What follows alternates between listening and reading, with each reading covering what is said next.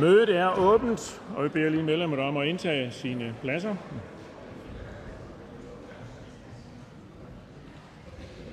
Og det punkt, som er opført som nummer 1 på dagsordenen, det kan kun med tingens samtykke behandles i dette møde. Og der stemmes derfor om samtykke til behandling af dagsordenens punkt 1, og der skal som bekendt være tre fjerdedel flertal til det sådan øh, samtykke, og der kan stemmes.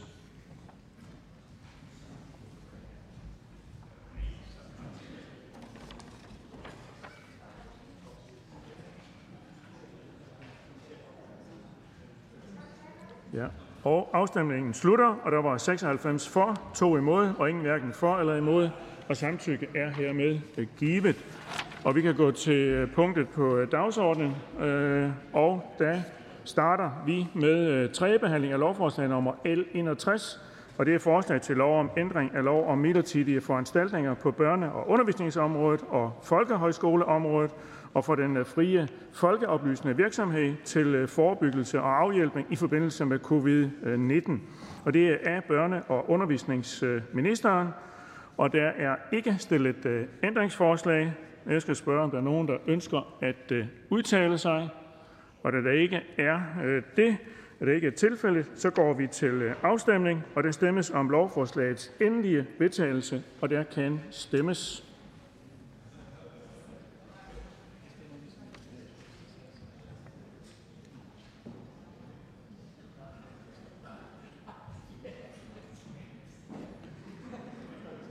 Afstemningen den øh, slutter, og der er 96 for, 2 imod, og ingen hverken for eller imod, og det er øh, vedtaget. Og lovforslaget er vedtaget og vil nu sendt til statsministeren. Og så har vi afsluttet punktet øh, nu, og vi kan lige trække hver 30 sekunder. Det var dagens sidste afstemning, og dem, der ønsker at forlade salen, kan nu gøre det i god ro og orden. Et øjeblik.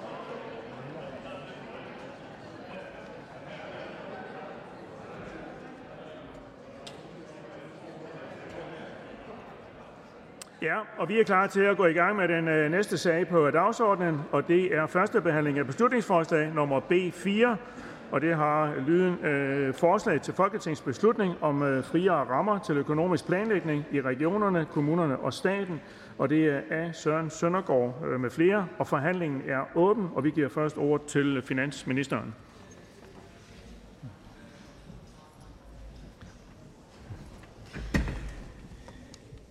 Tak for det. Øh, budgetlovens udgiftslofter handler kort og godt om, at stat, kommuner og regioner ikke bruger flere penge, end der politisk er aftalt. Det er en udbredt misforståelse, at budgetloven i sig selv lægger en begrænsning på udgiftsniveauet i kommunerne og regionerne. Loven siger sådan set bare, at man skal holde sig til den aftalte økonomiske ramme. Det lyder for mig som almindelig sund fornuft. Og øh, budgetloven den øh, virker faktisk. Der er styr på de offentlige udgifter efter flere år i nullerne, hvor aftalerne igen og igen er blevet overskredet. Enhedslistens beslutningsforslag fører i praksis til, at den styring med udgiftslofter, som blev indført med budgetloven, den bliver afskaffet. Det er regeringen imod. Budgetloven understøtter sunde offentlige finanser og stabilitet i budgetterne. Budgetloven er desuden vedtaget af et bredt flertal i Folketinget, godt nok uden enhedslisten. Aftalen blev lavet i 2012, og dengang aftalte vi, at loven skulle evalueres. For at skabe det bedst mulige faglige fundament for evalueringen har Finansministeriet i gang sat analyser af erfaringerne med budgetloven. De faglige analyser vil danne grundlag for en politisk diskussion til foråret. Og her skal regeringen naturligvis gerne diskutere lovens styringsmæssige rammer. Det gælder også hensynet til fleksibilitet i udgiftsstyringen, som regeringen også er optaget af. Regeringen er klar over, at der vil være forskellige bud på, hvordan vi bedst styrer de offentlige finanser, og her vil Enhedslistens kritikpunkter selvfølgelig indgå på lige fod med andre synspunkter. Eftersom vi allerede har aftalt at evaluere budgetloven, så vil jeg ikke gå ind i de konkrete elementer af loven i dag, men jeg ser frem til, at vi til foråret får en åben diskussion om budgetloven, og der får lejlighed til at høre partiernes synspunkter og øh, derefter træffe vores beslutninger. Tak for det. Og der er et par korte bemærkninger. Den første det er til fru Lisbeth Bæk Nielsen. Tak. Øh, mit spørgsmål her drejer sig ikke om, om SF's holdning til øh, beslutningsforslaget. Det vil jeg komme, øh, komme ind på. Men jeg vil bare høre øh, finansministeren øh, om, øh, om noget, fordi jeg deler nemlig øh, enhedslistens bekymring for øh, de øh, måske utilsigtede konsekvenser, der er øh, øh, af loven i dag. Synes finansministeren ikke, at det er et problem, at der bliver underforbrugt halvanden, i omegnen af halvanden milliard hver eneste år? Penge, der skulle have gået til pædagoger, øh, til sosuer, øh, velfærdsarbejdere, penge, der er afsat. Det er ikke øh, en, en diskussion om, hvor meget man nu vil forbruge eller ej. Det er penge, der er afsat, men som ikke bliver brugt, fordi at der er øh, nogle, nogle sanktioner, der er så hårde, at, øh, at man ikke tør at bruge det, man egentlig skulle bruge. Finansministeren? Ja, mit udgangspunkt er, at man skal bruge præcis det, der er aftalt. Hverken mere eller mindre. Øh, og det, der jo har været problemet i en række år, det er, at øh, kommunerne øh, ikke mindst øh, brugte meget mere end det, der var aftalt. Og derfor har man jo også øh, indført det sådan, at der er en sanktion forbundet med, hvis man bruger mere end det, man har aftalt med hinanden. Og når det er vigtigt, at man overholder aftaler, øh, og det gælder jo i alle livets forhold, det gælder altså også mellem øh, staten og kommunerne, så er det jo for, at vi har styr på økonomien, Øhm, til gengæld så synes jeg jo selvfølgelig også, at det er en opgave for kommunerne øh, og for den sags skyld for regionerne at budgettere så præcist og, og målrettet, som man selvfølgelig bruger de penge, øh, der er aftalt, til de formål, de er aftalt til. Fru Lisbeth Bæk-Nielsen. Jamen det kan man jo mene, men nu kan vi jo bare se år efter år, at der bliver underforbrugt øh, omegnen af halvanden milliard. Det svarer til 3.000 pædagoger. Altså, det er jo ikke i småtingsafdelingen, det her. Det er jo ikke fordi, at kommunerne siger, Nå, men vi vil egentlig, øh, det er fordi, vi, vi er ligeglade med ikke at, at bruge de penge, som, som vi har ret til at bruge.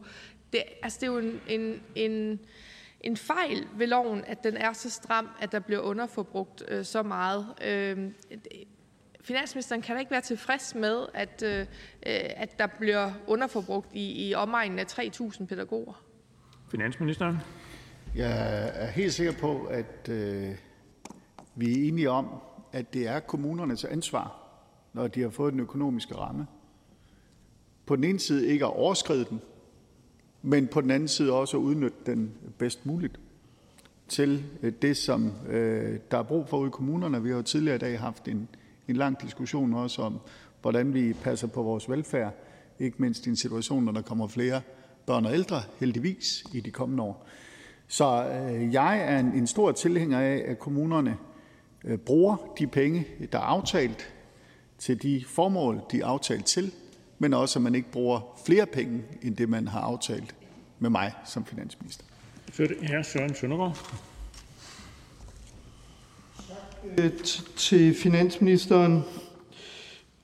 Jeg citerer, og den jeg citerer, det er Stephanie Lose, som er formand for Danske Regioner, som øh, i et indlæg øh, skrev, øh, frygten for at blive modregnet betyder, at de enkelte institutioner i mange år har brugt færre penge, end der egentlig var råderum til, med serviceforringelser til følge.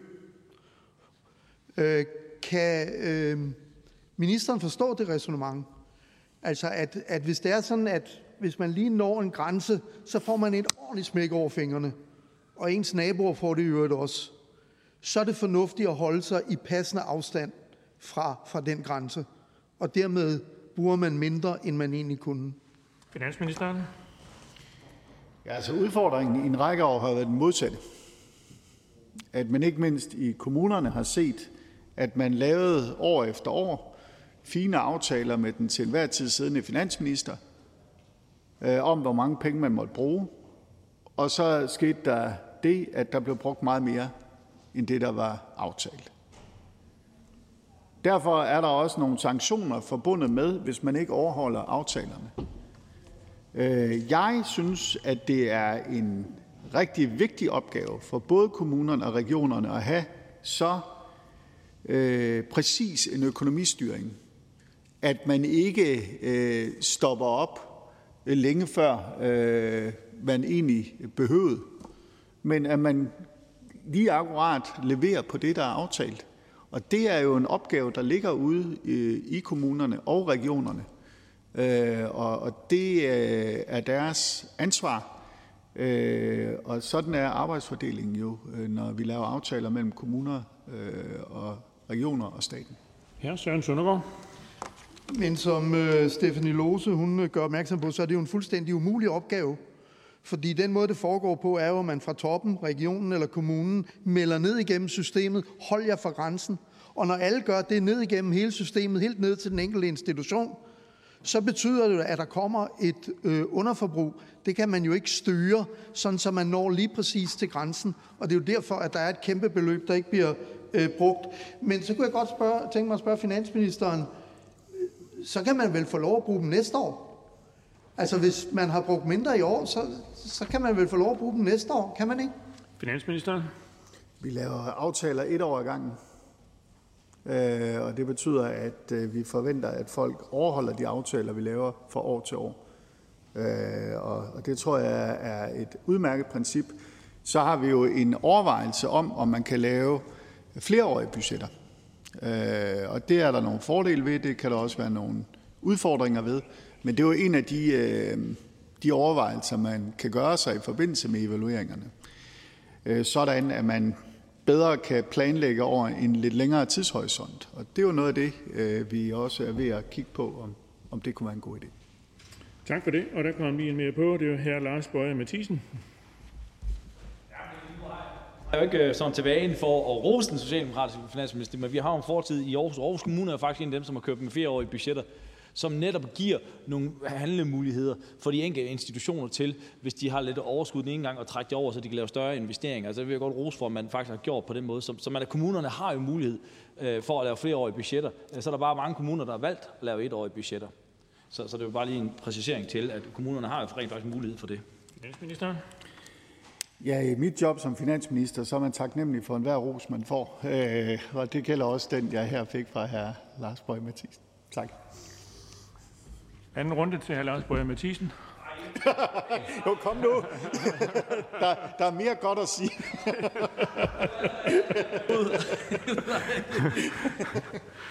så fik vi færdigbehandlet på den, og så er der ikke flere, der har tegnet sig ind til korte bemærkninger, så der var ikke flere roser i denne omgang. Men øh, tak til finansministeren. Og så går vi øh, til ordførerrækken, og den første, det er Socialdemokraternes ordfører, og det er hr. Christian Rabjerg Madsen. Værsgo.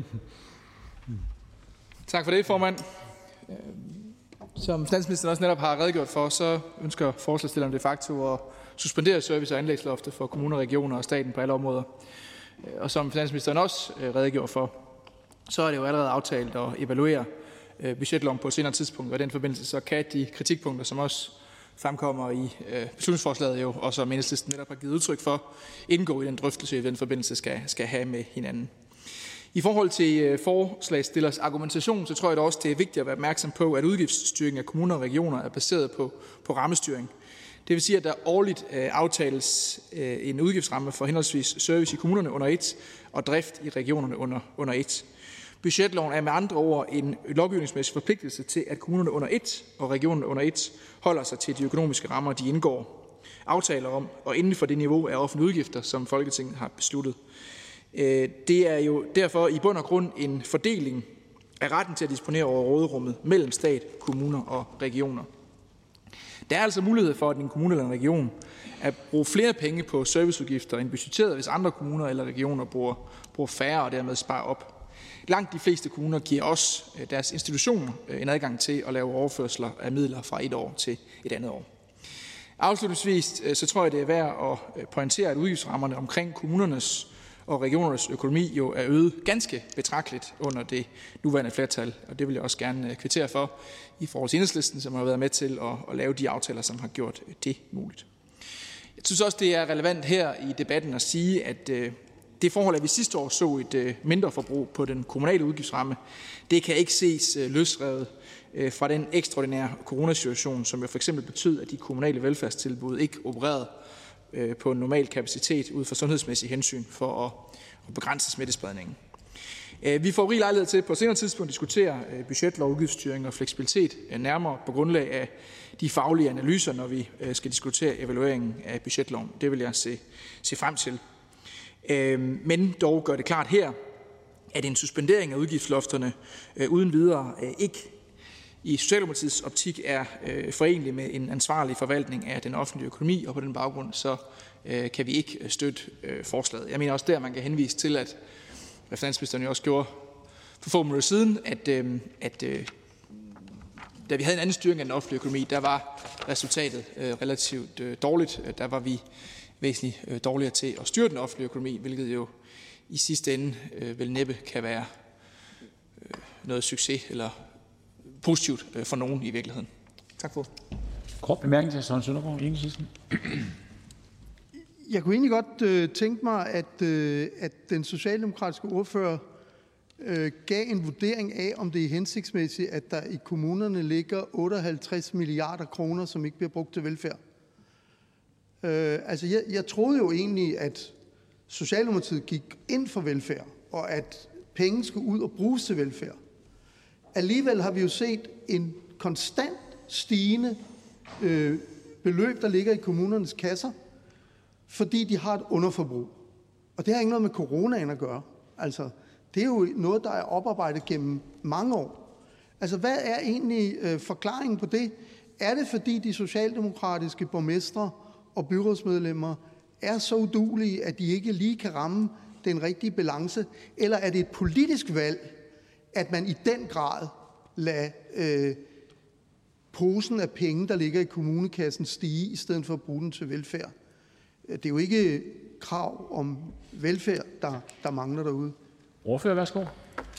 Som jeg husker øh, tallene af den her udvikling, vi har set over de senere år, så har der været den udvikling, at kommunerne er blevet bedre og bedre til at styre efter lofterne, og dermed er kommet tættere og tættere på, så problemet er blevet væsentligt mindre. Det synes jeg er positivt, og uanset hvor man ligger øh, loftet, så vil der jo være et loft, og dermed så, hvis vi skal styre de offentlige udgifter, øh, så vil der være et loft, og uanset hvor man ligger det, skal man så styre øh, efter det. Jeg glæder mig dog over, at kommunerne er blevet øh, dygtigere til at budgetlægge, og, og dermed er problematikken omkring underforbrug også blevet, blevet mindre. Så er det øh, også vigtigt at være opmærksom på, det tror jeg egentlig også, at hr. Søren Søndergaard ved, at den der retorik, som man nogle gange hører fra borgmestre, hvor de siger, at vi har jo en masse penge liggende, vi må bare ikke få lov til at bruge dem, Øh, det er jo øh, at øh, give en forkert fremstilling af, hvordan virkeligheden er. Fordi det der er virkeligheden er jo, at hvis kommunerne bruger de penge, som de har liggende, så går det fra det samlede råderum. Og det vil sige, at hvis kommunerne bruger de penge, som vi taler om der, så vil der skulle ske besparelser på andre områder, på det statslige område eller regionale område. Så uanset hvordan og hvorledes man indretter tingene teknisk, så er der jo de penge, der er inden for råderummet. Så er det altså Altså nu øh, er der ikke noget i tallene, der indikerer på, at der er en positiv udvikling undervejs. Altså det svinger lidt, øh, lidt op og ned, øh, når vi ser øh, mindreforbruget i den kommunale serviceramme, så er det 2,7, 1,7, 3,2, 0,9, 0,1, 1, 2,9. Altså det svinger sådan op og ned. Øh, og det er det, der samlet gør, at der er den der kæmpe kasse, der ikke kan bruges, som jo ikke kan bruges. Det fik vi jo bekræftet af finansministeren for lidt siden. Tak. Der er etårige budgetrammer. Men, men jeg forstår altså, at Øh, den socialdemokratiske ordfører er uenig med de socialdemokratiske borgmestre, der har påpeget det her problem. Så tror vi får et svar. Værsgo. Vi har jo sammen med enhedslisten øh, lavet finanslov og aftaler med kommunerne, som betyder, at socialdemokratiske borgmestre på linje med borgerlige borgmestre har fået en bedre økonomi. Det er vi øh, stolte over og har kunne levere. Jeg tror, hvis man tager coronaåret ud, så igen efter hukommelsen, så er problemet med, med mindre forbrug, trenden der er, er nedadgående, og det er positivt. Min pointe er blot, at upagtet hvordan man indretter det, hvis man vil have lofter, og det tror jeg er hensigtsmæssigt i forhold til at styre den offentlige økonomi, så vil loftet jo ligge et sted, og så er det kommunernes opgave at lave en budgetlægning og have en budgetdisciplin, som gør, at man rammer de lofter. Så er det Lars Bøge Mathisen, Nye Borgerlige. du er ned igen. vi, er, vi behandlede lige før Øh, et, øh, et, et forslag omkring, at der skulle tilføres flere midler ud til kommunerne til den grundlæggende velfærd. Vil det ikke være en idé at stille krav til, at kommunerne, i stedet for at tilføre flere penge i kommuneaftalerne, være krav til, at kommunerne begynder at bruge af den her øh, stigende øh, kasse, som de har. Og den er jo kraftigt stigende, det er 130 procent, så der ligger ret mange, 58 milliarder derude. Vil det ikke være bedre, at de begynder at bruge nogle af de penge, eller sender dem tilbage til borgerne via skattelettelse, men inden de får flere penge her inden for staten via kommuneaftaler, at de så begynder at bruge nogle af de penge, som de er liggende derude? Ja, det er teknisk set underordnet. Om pengene ligger øh, det ene eller det andet sted i de offentlige kasser, så indgår de i det samme råderum. Så hvordan man gør det øh, rent budgetmæssigt, det, det er underordnet. Det, der er afgørende, det er, hvordan vi prioriterer øh, råderummet overordnet set, ikke hvor, ikke hvor pengene ligger. Sådan er det, når man laver offentlige budgetter, og den måde, vi, vi øh, ja, samlet set har budgetlægningen på i Danmark. Lars Boje Mathiesen. Ja, og og dog, fordi der er vel en, en, en ret stor forskel på, om kommunerne kan tage de penge og vælge at bruge dem til skattelettelser, eller staten kan vælge at bruge dem til skattelettelser. Ordfører. Nej, altså råderummet er defineret af øh, det samlede råderum på tværs af, af, af, af kommune og, og, øh, og stat og, og regioner. Så den, den, forskel, øh, den forskel er der ikke. Sådan er det, når man laver budgetlægning i, i det offentlige. Det må, selvom ordføreren sidder og ryster på hovedet, tror jeg, han må hjem og, og må ordføreren lidt hjem og, og læse lidt op på. Vi siger tak til ordføreren. Der er ikke flere korte bemærkninger, og derfor går vi videre til hr. Torsten Schack Petersen, Venstre. Værsgo. Tak for det. Jeg tror, det var i, øh, i foråret 2011, at daværende finansminister Claus Hjort Frederiksen første gang øh, præsenterede forslag om en budgetlov og indkaldte øh, Folketingets partier til forhandlinger. Det lykkedes ikke at få en, øh, en aftale på plads, inden øh, der kom øh, folketingsvalg. Jeg husker det sådan, at Socialdemokraterne ikke var super begejstrede for, øh, for budgetloven, da den øh, blev præsenteret der i foråret 2011. Men desto større blev glæden jo så, da øh, daværende finansminister Bjarne Corydon indførte øh, budgetloven i 2012. Øh, for øh, det er sjældent, at jeg kan øh, erklære mig enig i, hvad finansministeren siger her fra Folketingets talerstol, men, men jeg må øh, i den her situation sige, at jeg er sådan set meget enig i øh, finansministerens gennemgang, at øh, det er vigtigt, at der er øh, en budgetlov, som sikrer, at den offentlige økonomi øh, er i, øh, i balance, og der er styr på den. Og det må man jo sige, at det har været en, en vanskelig situation tidligere. Øh, jeg tror, under Nyrup-regeringerne, der var det sådan, at hver gang der var aftalt at bruge 1 krone i offentlig forbrugsvækst, så blev der brugt 3 kroner. Og øh, ikke bare for at kritisere en tidligere socialdemokratisk regering, men jeg tror faktisk, at jeg nødtøftig må indrømme, at under øh, Anders Fogh Rasmussens regeringer, der blev der brugt halvanden krone, hver gang der var aftalt at bruge en krone. Og den situation øh, var selvfølgelig uholdbar i forhold til, at den finanspolitik, som vedtages i forbindelse med de årlige finanslove, skal selvfølgelig også være den, der bliver ført ud i livet. Og det har budgetloven grundlæggende været med til at sikre. Øh, uanset hvor meget respekt jeg har for det kommunale selvstyre, så kan vi altså ikke køre 98 forskellige finanspolitikker øh, på en og samme tid. Der skal føres en overordnet finanspolitik for dansk økonomi, og det er det blandt andet, som budgetloven skal være med til at sikre. Øhm, jeg skal ikke øh, sige meget mere andet, end at jeg deler øh, glæden over at se frem til en evaluering. Øh, der er nemlig mange elementer, man øh, sagtens kan, kan drøfte og kigge nærmere ind i og forvente og dreje. Men øh, det korte og lange er, at Venstre ikke kan støtte enhedslistens beslutningsforslag. Kort bemærkning til hr. Søren Søndergaard, Enhedslisten. Nej, nej, altså jeg, jeg er jo sådan set fuldstændig enig i, at, at der er en historik i det her, der hedder, at før EU besluttede, at vi skulle have øh, finanspakten, og så det, vi besluttede frivilligt at tilslutte os den øh, gennem budgetloven. Før det, der var der forskellige redskaber fra, fra forskellige venstreminister. Jeg husker noget, der hed Thors Hammer, øh, for eksempel, og øh, det udspil fra Claus Hjort Frederiksen. Det er rigtigt, og det er også rigtigt, at Socialdemokratiet dengang var imod det. Øh, men spørgsmålet er, om man har fundet det rigtige redskab. Og der undrer det mig bare, at der er den modsætning mellem det, Venstre siger i Folketinget, og så det, Venstre siger øh, ude for eksempel kommuner og regioner. Altså et andet citat fra Stephanie Lose. Hvis vi skal udvikle den velfærd, vi sammen er så stolte af og sikre borgernes fortsat tillid til velfærdssamfundets kerneydelser, er det helt nødvendigt at løsne nogle af de stramme bånd, som budgetloven i dag lægger ned over dem. Er Venstres ordfører enig med det, eller er Venstres ordfører ikke enig med det? Ordfører. Jeg er grundlæggende enig i, at budgetloven er fornuftig. Og, øh, og jeg sagde også i afslutningen af min ordførertale, jeg synes, det er fint, at der kommer en evaluering øh, og se, om der er øh, nogle uhensigtsmæssigheder, der kan kigges på, øh, uden at skal gå ind i en lang teknisk diskussion. Er der nogle steder, hvor man kan lade pengene løbe ind i det næste øh, budgetår og andet? Øh, og lad os da endelig øh, kigge på det. Der er jo ikke nogen af os, der har lyst til at have nogle regler, der øh, er øh, for rigide. Men princippet om, at den finanseffekt, der vedtages på en finanslov, det er også den, der skal blive til virkelighed. Og det er en af de ting, som budgetloven er med til at sikre. Øh, men vi går selvfølgelig altid fordomsfri ind i en, en evaluering, men, men vores grundlæggende tanke er, at vi er øh, vi bakker op om budgetloven. Vi øh, havde selv foreslået den. Men øh, lad os da tage den diskussion, når, øh, når vi kommer til evaluering. Søren Søndergaard. Jamen, øh, det er jo interessant at høre, at Venstres ordfører ikke svarer på spørgsmålet, men siger, hvis der er nogen. Mener Venstres ordfører, der er nogle uhensigtsmæssigheder? Der er jo ingen her, der mener, at kommunerne bare skal bruge alle de penge, de har lyst til, etablere sædelpresser rundt omkring på de lokale borgmesterkontorer, og så bare trykke pengesedler. Det er der ingen, der foreslår.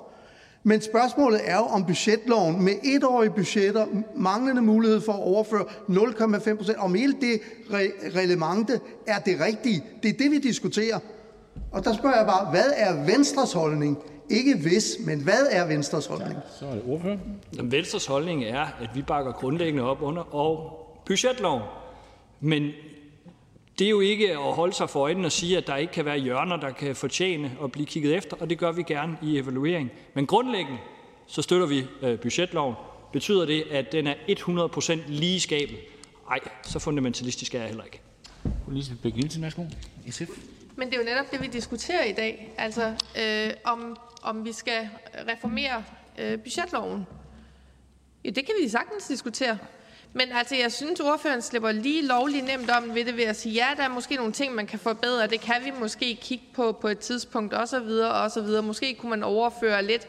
Ja, måske kunne man sige, at uforbrugte midler kunne overføres til næste år. Er det noget, Venstre vil? Ordfører. Altså, det beslutningsforslag, vi øh, diskuterer, det er, at Folketinget skal pålægge regeringen permanent at suspendere budgetlovens service- og anlægslov for kommuner, regioner og stat. Og det må man bare sige, det er vi ikke tilhængere af. Og så kommer der en evaluering, og jeg synes at det ville da være en underlig tilgang, hvis man sagde, at vores udgangspunkt er, at der er ingenting, der kan gøres bedre. Det vil jeg da gerne se på. Og jeg hører jo også øh, de her ting, men jeg mener, budgetlovens grundlæggende formål, det er ekstremt vigtigt, og det støtter jeg op om. Betyder det, at der er ikke noget, der kan gøres bedre? Nej. Og det, lad os da tage den drøftelse, når evalueringen foreligger. Det synes jeg sådan set er meget imødekommende. Lisbeth Bæk-Nielsen, værsgo. Så Venstre har ikke nogen holdning? Man venter på en evaluering. Man har ikke nogen holdning ellers. Det er sådan, jeg skal forstå det. Det tror, det tror jeg ikke på. Altså, jeg synes det her, øh, og det kommer jeg ind på, når det bliver min tur. SF kommer ikke til at støtte beslutningsforslaget i den form, det har. Men jeg synes, det er en glimrende anledning til at diskutere budgetloven, som evalueringen af den har været undervejs i umindelige tider. Så kan man ikke lokke et svar ud af Venstre i dag, om man må har en selvstændig holdning til, hvordan man kunne forbedre budgetloven? Ordfører, værsgo. Vores udgangspunkt er, at budgetloven den er ganske fornuftig, og jeg siger, den har vi jo selv stået vagt om, også når vi har siddet i Finansministeriet. Øh, så det er der sådan set ikke noget, undre, øh, noget undrende over. Men når man i gang sætter en evaluering, så er det jo selvfølgelig også for at se på, er der noget, der kan øh, fintunes og gøres bedre. Men vi støtter budgetloven. Men altså, hvis ikke vi ville være klar til at diskutere, om der er hjørner, der kan diskuteres, så skulle vi jo aldrig have lavet en evaluering. Altså, det, det er der en underlig tilgang til det. Tak til ordføreren. Ikke flere kort bemærkninger, og derfor går vi nu videre i ordførerrækken.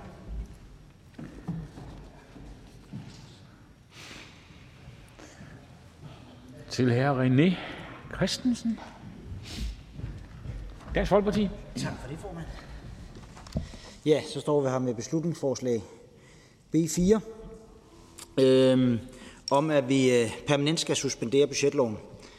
Generelt er det jo sådan, at hvis man indgår en aftale, så skal man også overholde den. Ellers så har vi ikke et aftalesystem i Danmark. Øh, så det synes vi sådan set er vigtigt.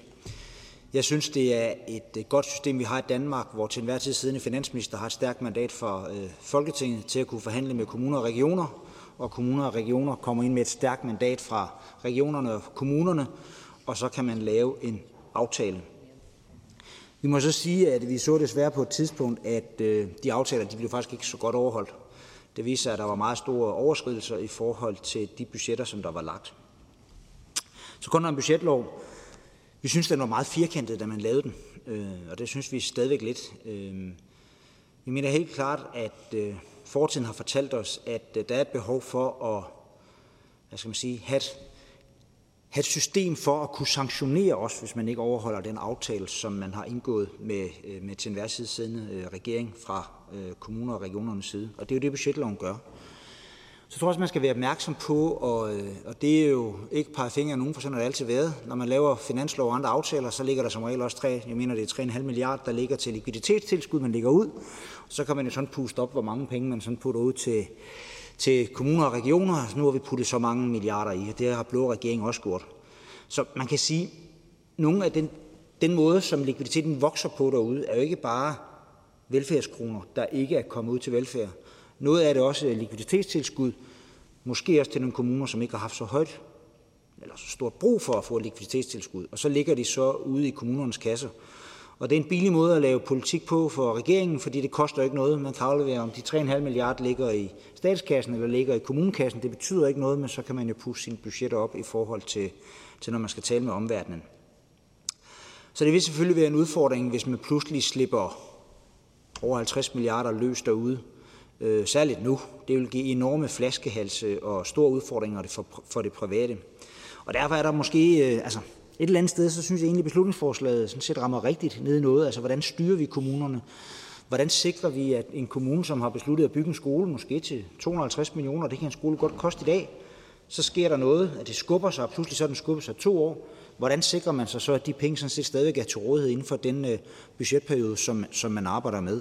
Så forslaget, som det ligger, synes vi ikke, at man skal suspendere det her permanent, men en dialog om, at øh, den gode forklaring, og nu skal man jo passe på, at der er 98 kommuner, og hvordan har man den dialog, men den gode forklaring på, hvis man er i gang med et stort velfærdsbyggeri, det kunne være en skole eller ældrebolig eller andet, at de ting flytter sig, skulle man så ikke have nogen muligheder for at, at skubbe det foran sig på en måde, uden at det øh, påvirker ens anlægsbudget, eksempelvis året efter. For så vil det jo være sådan, hvis der er en kommune, der har det, så skubber man det frem til året efter.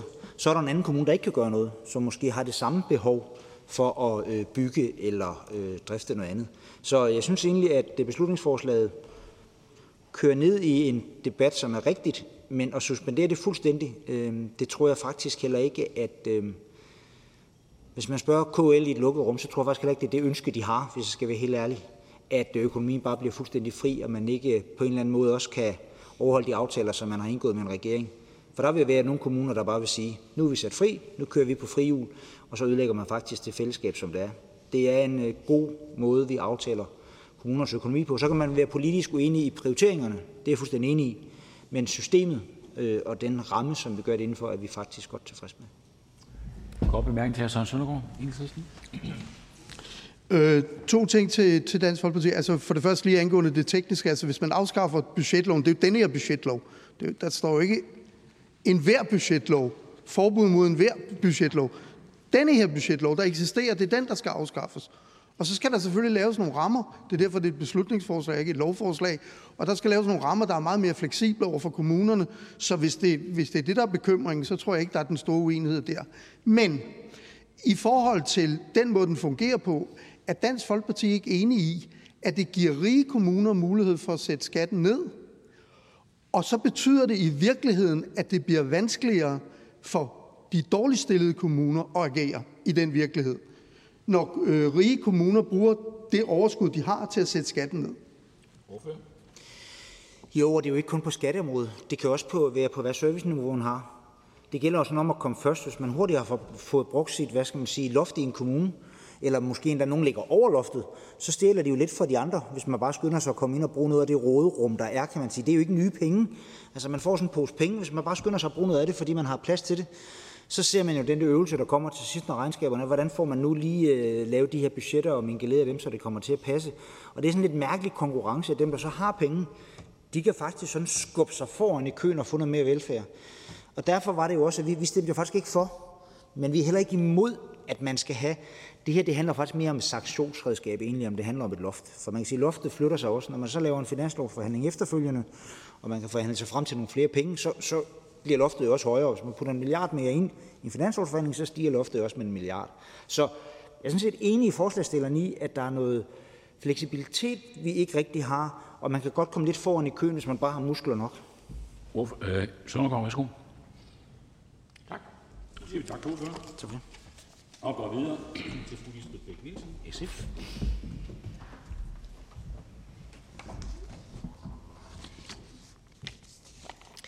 Tak til Enhedslisten for at sætte fokus på øh, budgetloven. Enhedslistens forslag går ud på at fjerne øh, budgetlovens service- og anlægsloft permanent. Nu er der jo ikke noget øh, anlægsloft fastsat i budgetloven, øh, men noget, der fastsættes i de årlige økonomiaftaler. Men der er et udgiftsloft, der nogenlunde svarer til servicerammen, som også bliver fastlagt i de årlige økonomiaftaler. Enhedslisten har helt ret i, at der er et stort problem i, at kommunerne ikke udnytter deres serviceramme fuldt ud, og vi er enige fra SF's side i, at det er de voldsomme trusler om sanktioner, der er skyld øh, i det, og skræmmer kommunerne til at bruge færre penge, end det de har lov til. Jeg sagde også i en kommentar øh, tidligere her i debatten, at det er i omegnen af halvanden milliard kroner i underforbrug. Det svarer altså til 3.000, mindst 3.000 pædagoger eller andre velfærdsarbejdere øh, hvert år. Så det er en betragtelig del øh, af, af vores velfærd, som, øh, som ikke øh, kommer ud til borgerne på den her måde. Penge, der er fastlagt, penge, der er øh, politisk øh, bestemt, skal ud til borgerne. Øh, derfor har SF også lavet et beslutningsforslag øh, om, at finansministeren skal lade være med at lave sanktioner i tilfælde af mindre budgetoverskridelser. Øh, sanktionerne det er godt nok ikke noget, der er indført med budgetloven, og de fremgår heller ikke af lovteksten. Det var de venstreledede øh, regeringer, der indførte sanktioner i 2008 og skærpede dem i, i 2010.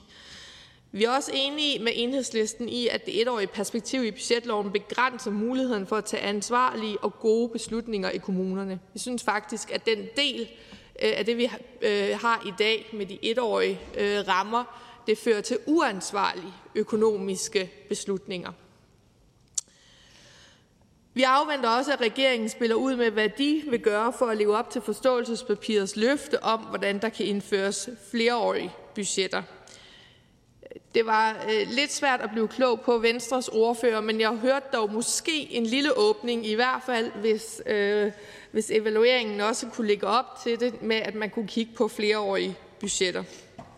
I det hele taget så er det jo ærgerligt, at revisionen af budgetloven er udsat i mange omgange, og det er klart, at loven ikke er udformet optimalt i dag.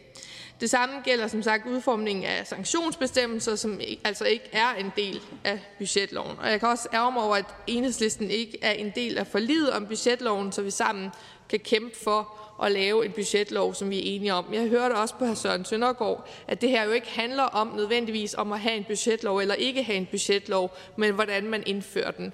Og jeg synes tit, at vi venstrefløjspartier bliver skudt i skoene af højrefløjen, at det er fordi, vi er økonomisk uansvarlige, og man skal ikke overholde budgetter, og det hele øh, sejler. Øh, det synes jeg simpelthen er, er en urimelig kritik. Selvfølgelig skal man overholde de aftaler, man indgår. Det her det her skal ikke handle om, hvorvidt øh, man kan bruge mange eller, eller få penge i øh, kommunerne eksempelvis, men netop om, at man, af, øh, man overholder de aftaler, man indgår. Men den måde, det er skruet sammen på i dag, gør jo netop, at man ikke kan overholde de aftaler, man indgår, fordi sanktionerne er så voldsomme, at man ikke kan leve op til det, man har lovet fra eksempelvis kommunernes øh, sider.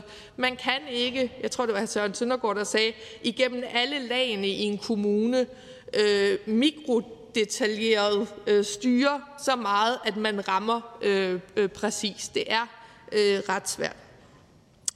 Jeg vil sige på vegne af SF, at øh, vi ikke mener, at den rigtige vej at gå er at ophæve reglerne om udgiftslofter for kommuner, regioner og stater permanent. SF går ind for flere penge til velfærd, uddannelse, klimainvesteringer og meget andet, men vi mener, at udgifterne skal finansieres af tilsvarende indtægter med mulighed for et vist underskud i f.eks. lavkonjunktur, at vi får skrevet, øh, skrevet den del ind. En ophævelse af udgiftslofterne uden at sætte noget andet i stedet kan hurtigt føre til store offentlige underskud med de problemer, det vil skabe for fremtidens velfærd og dansk økonomi. Så SF kan ikke i beslutningsforslagets nuværende øh, udformning øh, støtte enhedslistens forslag. Tak for det. Der er ikke nogen korte bemærkninger. Jo, det var der lige i aller sidste øjeblik, hr. Søren Søndergaard. Værsgo. Værsgo, hr. Søren Søndergaard. Jeg kan noget at gå for ret. Værsgo. Tak. Øhm, altså jeg forstår, at, at øh, SF også er imod den øh, måde, budgetloven fungerer på.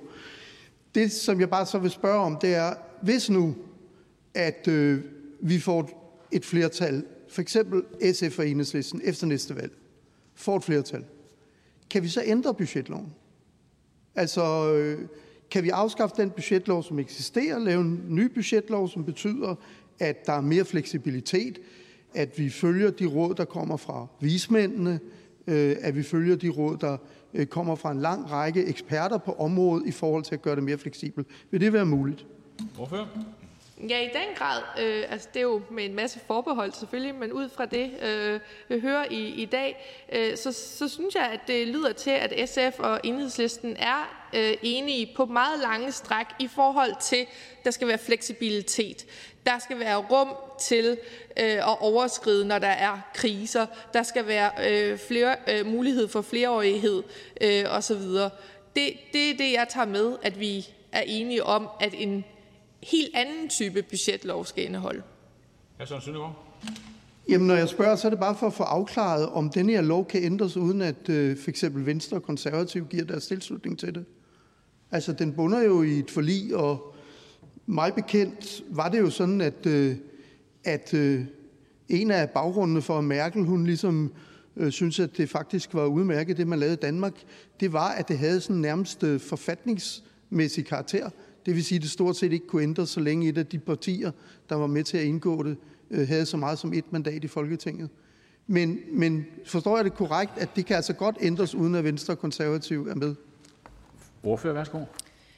Om det, hvad skal man sige, parlamentarisk teknisk kan, det skal jeg ikke kunne sige. Men vi er fra SF's side så optaget af, at det bliver ændret. Så hvis der er et forlig at opsige, så gør vi gerne det. Tak til ordføreren. Ikke flere korte bemærkninger. Og det betyder, at vi kan gå videre til den radikale ordfører, hr. Andreas Stenberg. Værsgo. Tak. Helt grundlæggende er det fornuftigt, at vi i samfundet og i Danmark ved, hvor mange penge vi bruger hver eneste år på alle typer udgifter i samfundet. Det er det, der er logikken bag budgetloven og anlægslofterne, at man definerer, hvor mange penge skal der bruges, så man ved, hvor mange der skal bruges. Og det er jo så uanset, om man mener, der skal bruges 100 milliarder eller 1000 milliarder, eller hvor mange man kan blive enige om at bruge på et givet område. Og der har været en lang række år, hvor man øh, kunne se, at der blev brugt flere penge, end man har aftalt. Og det er selvfølgelig et problem, fordi penge kan som bekendt kun bruges én gang, og hvis de bliver brugt på øh, noget, det ene, så kan det ikke bruges på det andet. Så kan man ikke bruge det på for eksempel klima eller noget andet i de statslige udgifter, hvis, øh, hvis de er blevet brugt et andet sted i velfærdssamfundet. Så derfor støtter vi jo den øh, aftale, det forlig, vi er en del af, hvor man sørger for at have, styr på budgetterne. Og derfor kan vi jo ikke støtte øh, beslutningsforslaget her. Det er der heller ikke noget overraskende i. Men det, jeg synes, der er en relevant debat, når man hører de forskellige indlæg, det var noget af det, finansministeren også øh, sagde. Kunne man se på nogle flereårige budgetter? Og der kan, som finansministeren også var inde på, være fordele og ulemper. Jeg har nu gange mest hørt om fordelene, men det er også fordi, jeg primært har snakket med folk i kommuner og regioner, som, som ønsker sig det, sådan at de kan planlægge over lidt længere år, for eksempel på anlægsområdet, eller, eller kan sige, at en udgift kan køre hen over 1. januar, og det kan, det kan der være nogle fordele i. Det, der øh, selvfølgelig kan være en ulempe, det er, om man så har styr på de enkelte års forbrug, og det, øh, det øh, skal, man, skal man have styr på, eller så i hvert fald kunne have en fleksibilitet i, i den finansielle planlægning. Men det er vi, som, som også SF's ordfører var inde på, villige til at kigge på i den her forligskreds, om der er nogle skruer, man kan, man kan skrue på, så det kan blive mere fleksibelt for kommuner og regioner. Men øh, grundlæggende støtter vi mekanismen i, at man definerer i fællesskab her i Folketinget, hvor mange penge bruger man på velfærd, og så sørger for, at det bliver overholdt. Tak til ordføreren. Ingen kort bemærkninger, og derfor kan vi gå videre nu til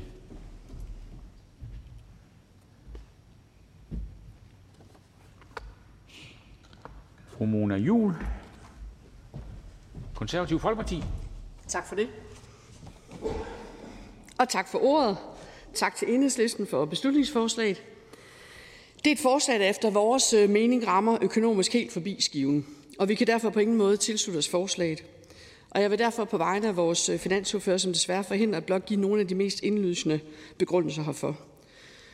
Først og fremmest, inden vi fik budgetloven, der overskred kommunerne nærmest konsekvent budgetterne, især vedrørende serviceudgifter.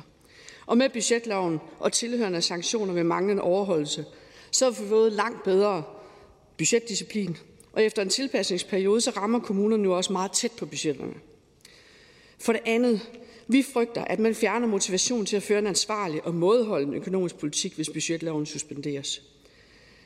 Det er selvfølgelig vigtigt, at vi har mulighed for at stimulere økonomien, men det er også vigtigt, at vi holder fast i, at der skal være sammenhæng mellem udgifter og indtægter. Det har budgetloven været med til at hjælpe til. Og endelig, vi er helt med på, at vi skulle stimulere økonomien under coronakrisen, som der også blev nævnt i forslaget, men vi har ikke stor tiltro til, at friere rammer med anvendelse af borgernes skattekroner er vejen frem. Så samlet set så er vi glade for budgetloven. Den har tjent os godt gennem årene, og den skal selvfølgelig blive ved med at være der. Tak til ordføreren. Ingen kort bemærkninger. Det betyder, at vi går videre i ordførerrækken til hr. Lars Bøge Mathisen, Nye Borgerlige. Tak for det. Flere partier har redegjort for, øh, hvorfor de synes, budgetloven er, er god. Og det kan den også godt være på nogle områder, men fleksibiliteten i den øh, er jeg altså heller ikke øh, kæmpe stor fan af. Øh, grundlæggende så handler det også om, at hvis man vil som enhedslisten gerne vil sætte kommunerne fri, så mener vi i Nye Borgerlige, så skal der også følge et ansvar der med. Øh, og, og hvis man vil gå ned ad den vej, så, så skal man ikke som stat komme og rende bagefter og så øh, skulle rydde op efter kommunerne. Så skal de øh, kommunalpolitikere, som bliver valgt af borgerne, de skal stå til ansvar for den økonomi. Og hvis øh, der så kommer en derute på den økonomi i, i kommunen, jamen så er det de politikere, der skal stå til ansvar for at rydde op.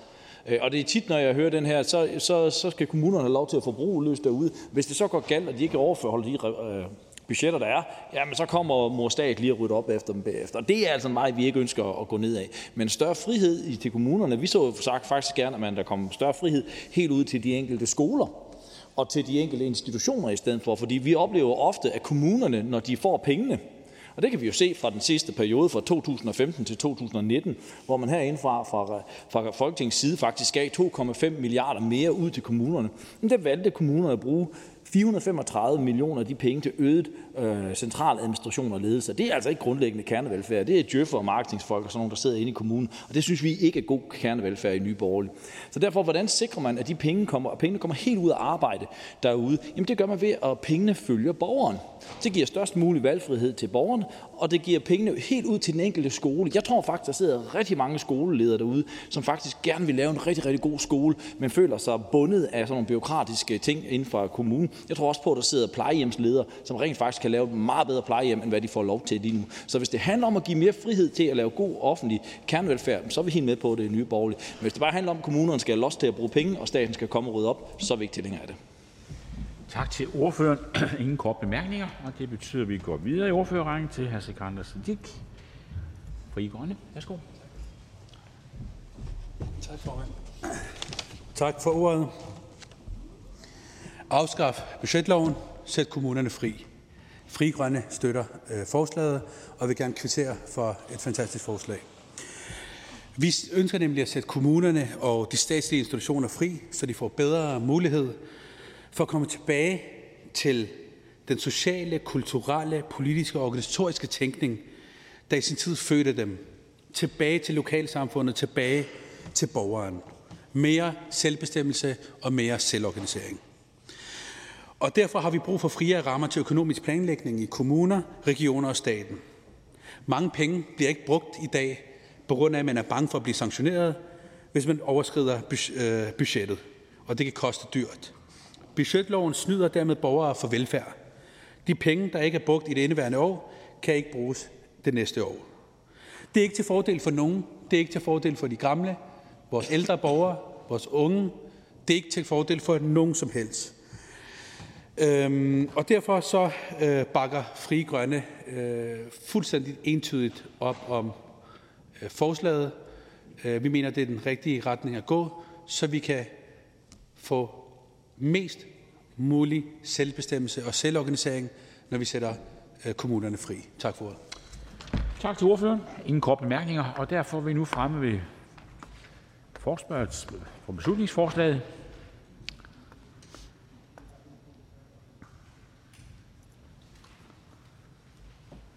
Hr. Søren Søndergaard, Enhedslisten. Tak, formand. Øh, en hver, der, der i hvert fald vil se, kan se, øh, at øh, vores offentlige velfærdssystem efter mange års underminering, efter mange års underminering, altså øh, trænger til forbedringer. Øh, og derfor finder vi det i enhedslisten en lille smule absurd, at vi i Danmark har en lov, som betyder, at regioner og kommuner ikke engang kan bruge deres egne penge til velfærd for borgerne. Og det er det, vi har. Og det er den EU-inspirerede øh, budgetlov med dens rigide styrings- og straffeforanstaltninger. For det er jo netop de rigide styre- og straffeforanstaltninger, der skaber problemet. Hvis man får at vide, at derhen ligger nogle landminer, så går man nok ikke helt derhen. Man holder sig lidt væk fra dem, naturligvis. Og det er jo også det, der sker her.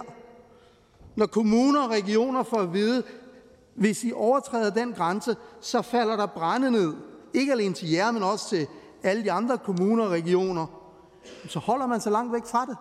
Og for at være sikker på, at det kan lade sig gøre, så lader man det budskab gå ned igennem systemet. Og resultatet bliver selvfølgelig et underforbrug. I et svar fra den 23. september dokumenterer finansministeren, hvordan budgetloven i 2020 medførte et underforbrug på den kommunale serviceramme på næsten 3 milliarder kroner. Et år 3 milliarder kroner.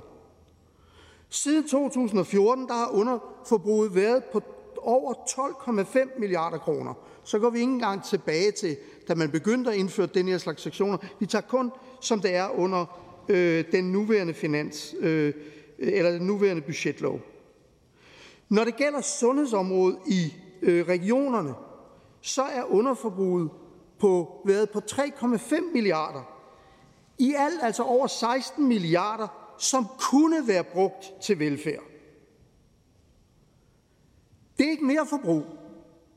Det er kommunernes egne penge, som ligger i kommunernes egne kasser, men som de ikke kan bruge af frygt for at ramme loftet og derefter blive udsat for budgetlovens firkantede straffeforanstaltninger. Helt aktuelt, der ligger der 58 milliarder kroner i de kommunale kasser. Og en fremskrivning fra Indrigsministeriet viser, at hvis den udvikling fortsætter, så vil der være 83 milliarder i 2030 og 113 milliarder i 2040. Penge, som ikke kan bruges til velfærd, alene på grund af budgetlovens spændetrøje. For nu at være ærlig, altså jeg synes, det er en provokation mod de sygeplejersker og andet sundhedspersonale, som knokler en vis lægemsdel ud af bukserne, og som dagligt kan se, at der mangler flere og flere kollegaer. Men jeg synes også, det er en provokation mod alle de borgere, som oplever store mangler i den velfærd, som de ellers med glæde, som de ellers med glæde betaler deres skat for at sikre. Og det er jo det, der er baggrunden for, at enhedslisten i dag stiller det her forslag om suspension af budgetloven, og dermed giver kommuner og regioner ret til at bruge deres egne skatteindtægter til gavn for deres egne borgere. Ikke et forslag om, at man skal kunne bruge mange flere penge, end man har, eller nogen flere penge, end man har. Bare et forslag om, at man skal have lov til at bruge de penge, man har. Hvis vi kigger ud i samfundet, så står vi jo ikke alene med den holdning.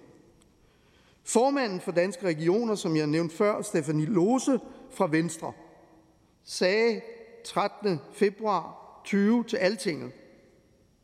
Vi oplever på nærmeste hold, hvordan budgetloven har store konsekvenser for velfærden i borgernes hverdag, for de ansatte og for arbejdsgiverne.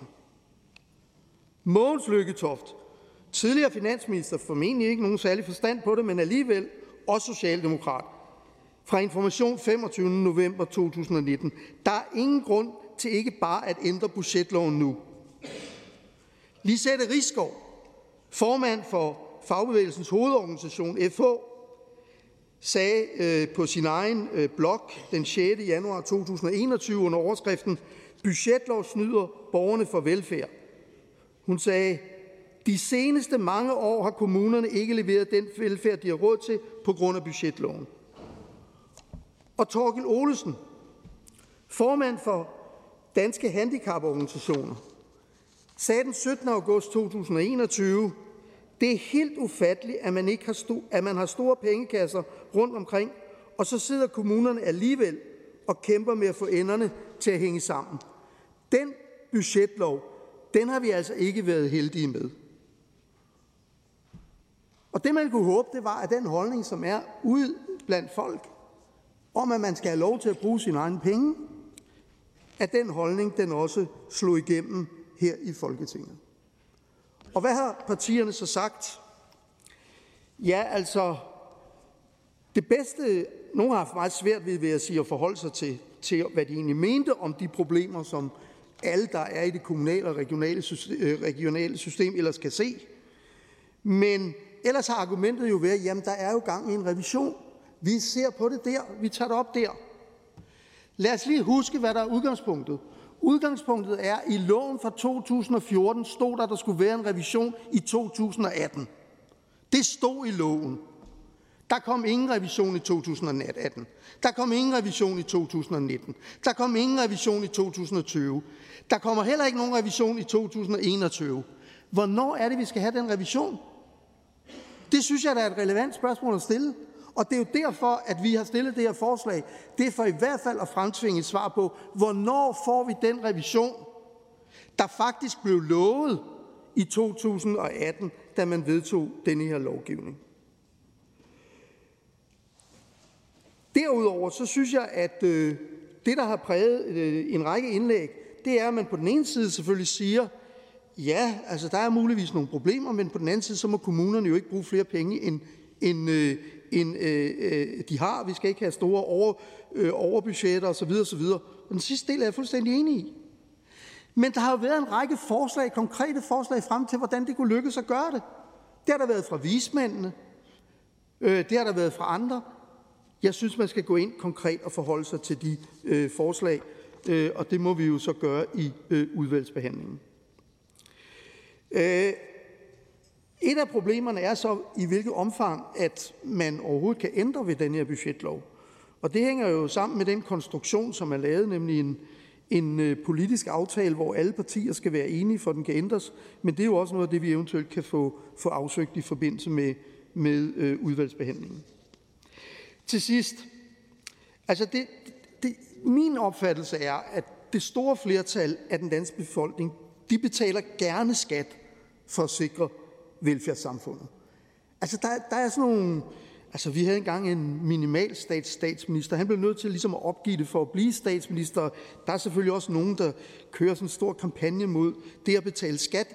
Folk vil gerne betale skat for at sikre velfærdssamfundet, for at vortende møder kan føde under trygge vilkår og uden alt for fortravlede jordmøder, for at man kan aflevere sine børn i vuggestuer og børnehaver, som har bemanding nok til at være mere end opbevaringsanstalter, men som også skal udvikle ungerne fysisk og socialt, for at vi kan have et uddannelsessystem, som kan sikre alle mulige læring, personlig udvikling og bidrag til samfundet, at vi kan sikre vores ældre en værdig alderdom på plejehjem i ældreboliger, men også i deres eget hjem, uden at det af den grund udvikler sig til en ren hovedbanegård med mylder af forskellige hjemmehjælpere.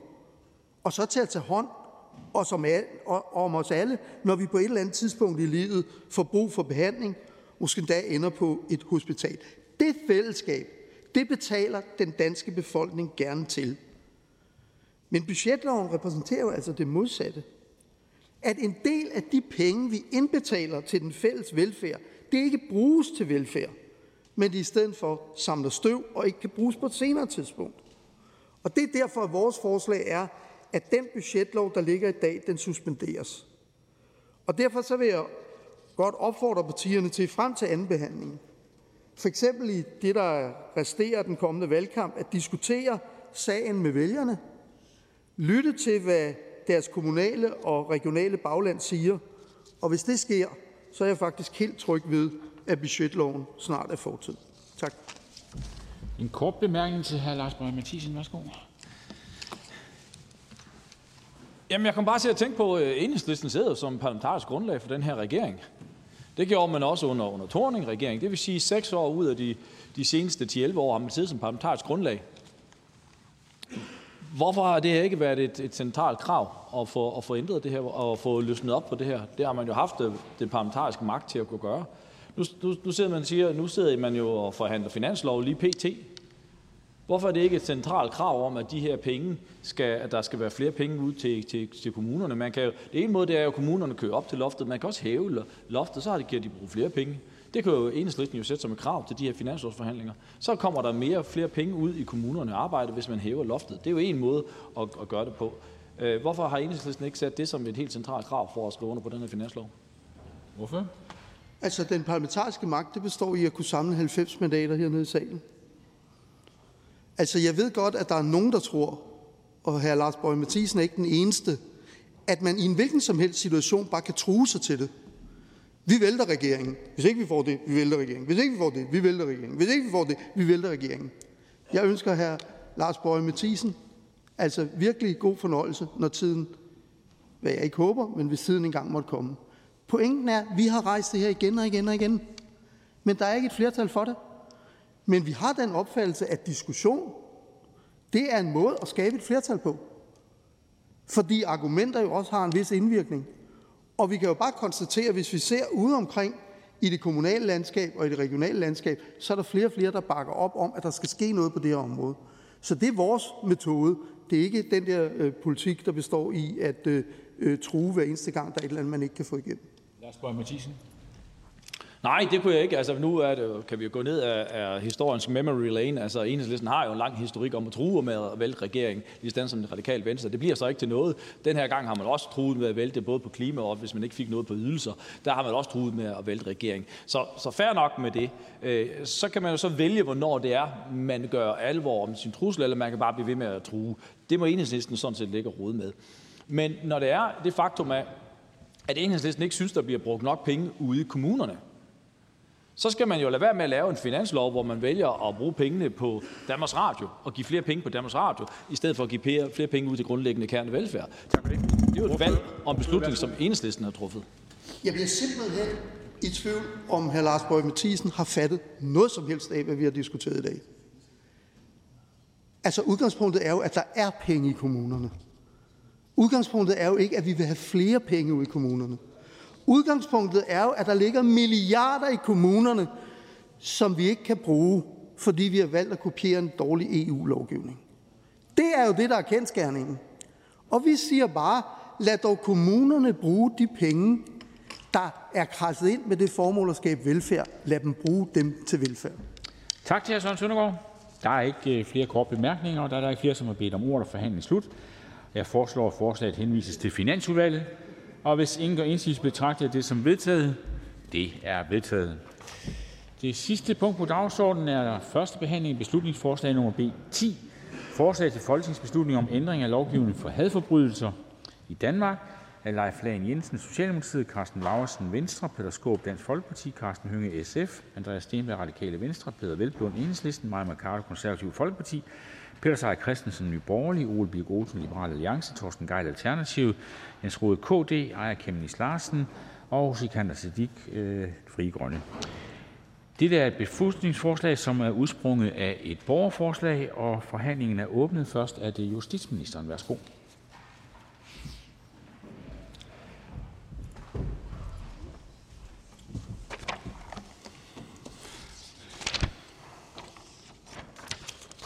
Hadforbrydelser og, og hadtale, det er en dybt alvorlig sag. Og i det danske samfund, der skal der være plads til at være den, man er. Man skal kunne færdes trygt alle steder i Danmark, og der skal være lige adgang til tryghed for alle i Danmark.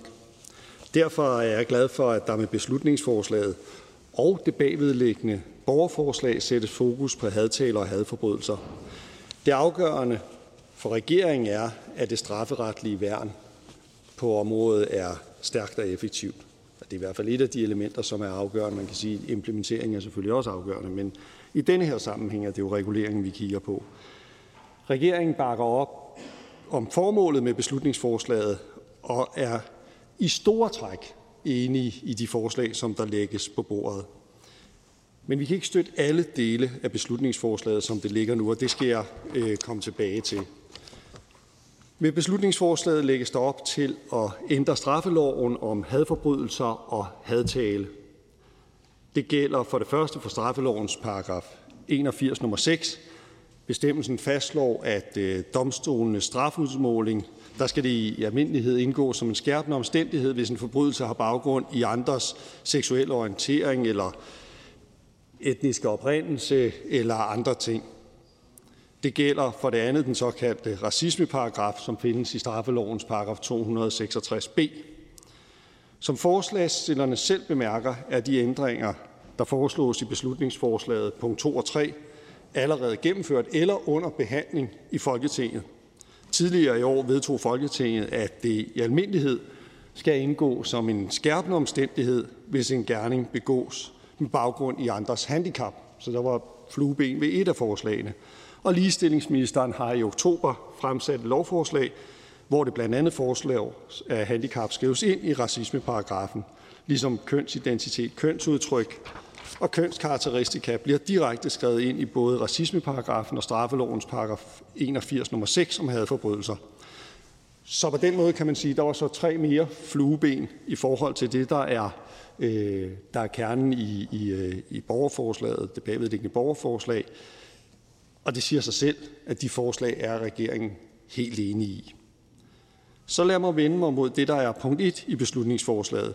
Efter den foreslåede ændring i punkt 1 skal det tydeliggøres, at der er tale om en hadforbrydelse, uanset om handlingen er helt eller delvis motiveret i had.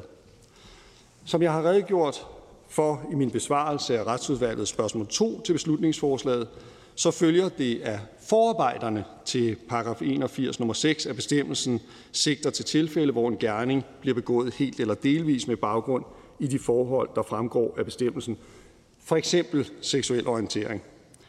Det er altså allerede i dag sådan, at straffen i almindelighed skal skærpes, og der er tale om en hadforbrydelse, hvis gerningen helt eller delvis er motiveret af for eksempel andres seksuelle orientering.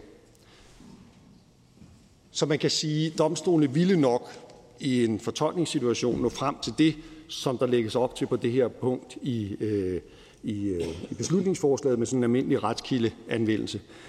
Men det ændrer ikke ved, at det her er et vigtigt signal at sende, at vi ikke tolererer nogen form for hadforbrydelser. Og en måde at understrege det på er selvfølgelig at løfte direkte ind i, i, øh, i, øh, i lovteksten, øh, så den del af beslutningsforslaget er regeringen enig i.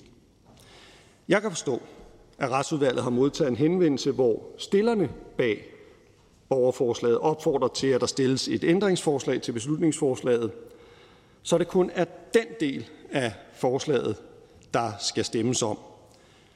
Det kan regeringen godt bakke op om. Og på vegne af Enhedslisten og SF og de radikale venstre øh, og regeringen, så vil jeg sørge for, at der bliver udarbejdet sådan et ændringsforslag til beslutningsforslaget. Andre partier er selvfølgelig uhyre velkommen til at, at, at tilslutte sig. Jeg kan forstå på den snak, der har været i løbet af dagen, at der faktisk er tilsyneladende flere partier, som ser positivt øh, på det her, hvilket jo bare er godt. Nå, hvorfor kan vi så ikke støtte hele beslutningsforslaget? Ja, som det foreligger nu, handler det om den foreslåede ændring i straffelovens paragraf 266b. Bestemmelsen strafbelægger hadefulde ytringer, der fremsættes offentligt eller med forsæt til udbredelse i en videre kreds. Bestemmelsen finder anvendelse, hvis gerningsindholdet objektivt set er opfyldt. Det vil navnlig sige, at udtalelsen har et indhold, hvor en gruppe af personer trues, forhånes eller nedværdiges på grund af gruppens hudfarve, tro, seksuel orientering med videre. Gerningspersonen vil kunne straffes uanset om motivet, der ligger bagved af, øh, af den pågældendes fremsættelse af de hadefulde ytringer.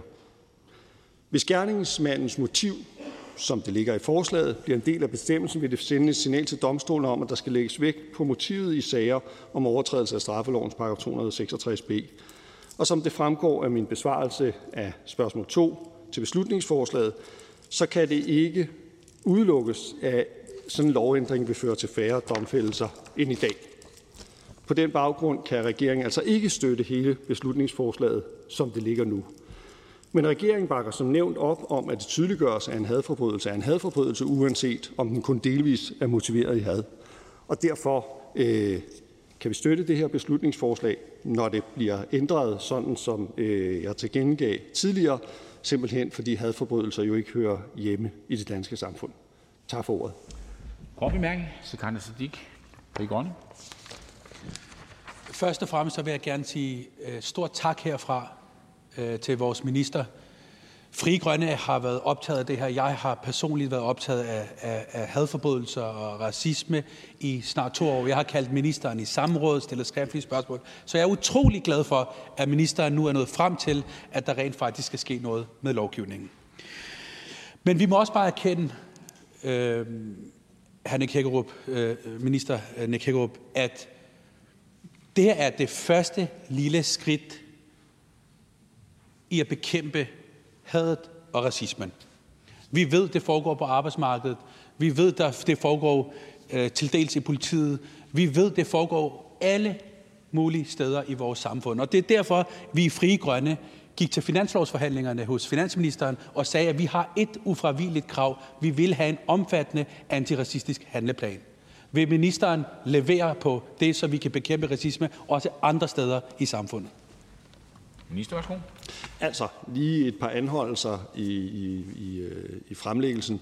Det med, at vi nu er nået frem til, det er måske at stramme den. Altså, der var et bredt flertal i Folketinget, der i foråret vedtog, at handicap skulle være omfattet af paragraf øh, 81 nummer 6. Der er et lovforslag i behandling lige nu, øh, for så vidt angår øh, kønsidentitet, både for så vidt angår paragraf 81 nummer 6 og også paragraf 266b. Og politiaftalen indeholder faktisk også øh, elementer, som har øh, til, til formål at imødegå hadforbrydelser. For eksempel er det jo lagt ind i politiaftalen, at der skal være mere uddannelse og opmærksomhed på præcis det her spørgsmål. Så det med, at det er noget, vi er nået frem til nu, øh, synes jeg ikke er i overensstemmelse med virkeligheden. Jeg synes faktisk, det er et emne, som der kontinuerligt arbejdes med. Hvis det er rejst som krav i øh, finanslovsforhandlingerne, så skal jeg vel ikke forhandle øh, det krav her. Og vi kan altid diskutere om øh, stramning, om det er for stramt at sige det eller ej, men bottom line er bare, at Justitsministeriets egen, egen offerundersøgelse viser, at der er mellem 4.300 og 5.800 mennesker, der mener, de er blevet udsat for et racistisk motiveret øh, overfald. Vi ved, vi har tit diskussionerne omkring raceprofilering i dansk politi. Og der vil jeg gerne spørge ministeren, om ministeren finder det nødvendigt, at der skal komme flere tiltag i retning af lovforslag, der gør, at vi kan bekæmpe racisme inden for forskellige områder, også under ministerens eget øh, fagområde. Minister, værsgo. Jamen, jeg synes hele tiden, det er vigtigt at forholde sig til, hvordan vi imødegår, øh, at, at, øh, at befolkningsgrupper udskammes, øh, øh, chikaneres, øh, forfølges osv. Vi er undervejs med en handleplan øh, øh, mod, øh, øh, mod at undgå antisemitisme, altså i forhold til jøderne, øh, som jo bare er et element, som også trækker den rigtige vej. Tak for det. Fru Rosa Lund, Enhedslisten, værsgo. Tak. Vi har jo i Enhedslisten arbejdet rigtig, rigtig længe for, at det her det skulle ske. Og jeg spørger ikke ministeren nu, fordi at jeg øh, ikke kan høre, hvad han siger, men fordi jeg faktisk er virkelig glad i dag for, at det her det endelig lykkedes. Og derfor vil jeg bare gerne have, at ministeren fra talerstolen kan bekræfte igen, at nu bliver paragraf 81 stykke 6 ændret, så den beskytter minoriteter, der bor i Danmark bedre. Minister. Ja. Så hurtigt kan det også gøres. Tak for det. Peter Skåb, Dansk Folkeparti. Tak for indlægget til øh, justitsministeren. Øhm, en af, de, en af de forbrydelser, som jeg har hæftet mig meget ved, som jeg synes har været øh, noget ganske forfærdeligt, det har været et, et homoseksuelt par, der går hjem fra byen, bliver overfaldet, øh, og hvor øh, de pågældende øh, tit har det indtryk, at der ikke bliver taget ordentligt hånd om deres sag. Og øh, det har været svært øh, tit også at kunne få et overblik over, hvor mange af den slags sager der er, altså, altså kvalificeret øh, se på, hvor mange af den slags sager der er øh, Øh, her i, i, øh, i den her tid, vi lever i. Og der kunne jeg godt tænke mig at høre justitsministeren i forhold til den del i borgerforslaget, der handler om det.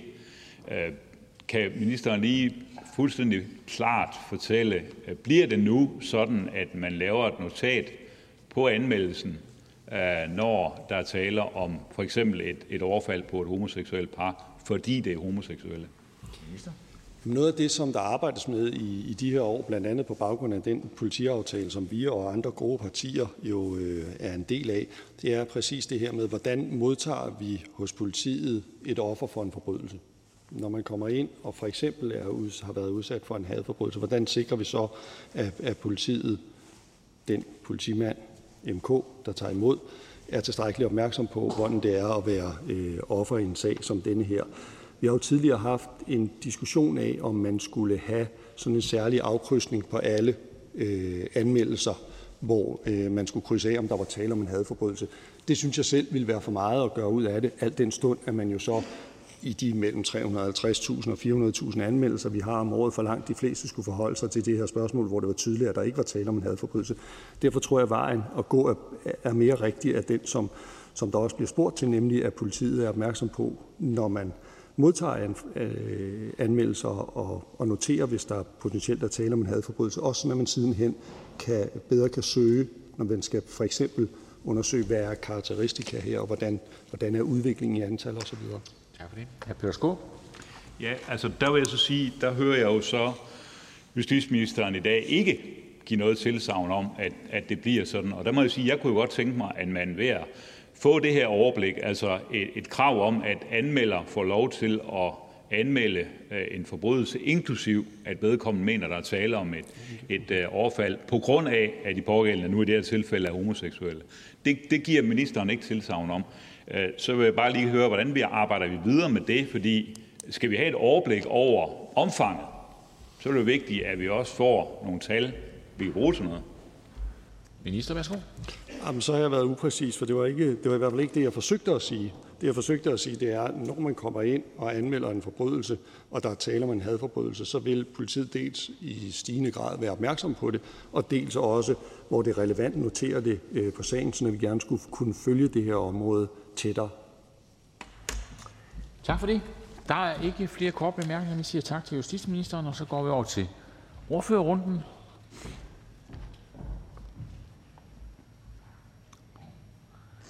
Først er det Kasper Sandkær,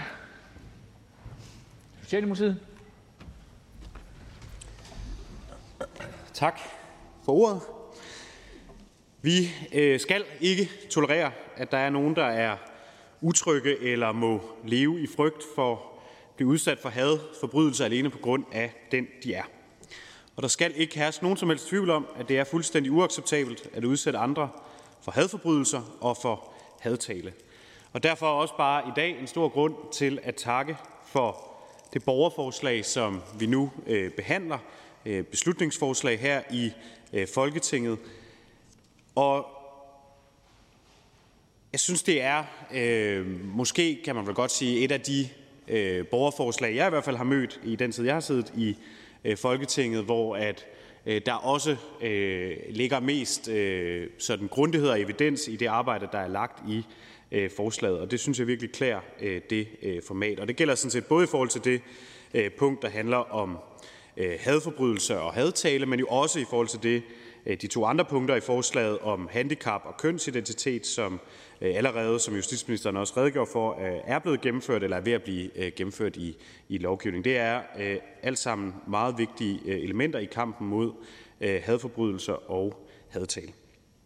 Og justitsministeren redegjorde jo også for Øh, det tekniske, både omkring straffelovens øh, paragraf 81 nummer 6 og paragraf 266 nummer B. Så det vil jeg i virkeligheden ikke bruge øh, så meget tid på, men bare slå fast, at Socialdemokratiet bakker grundlæggende op om intentionen bag forslaget, og vi synes også, det er et både et øh, vigtigt signal i sig selv at sende, at vi nu herinde gør det fuldstændig øh, tydeligt i loven, at øh, vi ikke vil tolerere nogen former for forbrydelser, der er motiveret hverken helt eller delvist øh, af had, øh, men er, er heller ikke i tvivl om, at det kommer til at, øh, at gøre en, øh, en forskel. Og det er derfor, vi er enige i den del af forslaget, som vedrører øh, hadforbrydelser, og vi kan varmt støtte, at det bliver gjort tydeligt i øh, straffelovens paragraf 81 øh, nummer 6, øh, at der er tale om en hadforbrydelse, øh, uanset at øh, motivet også kan indeholde andet end øh, had.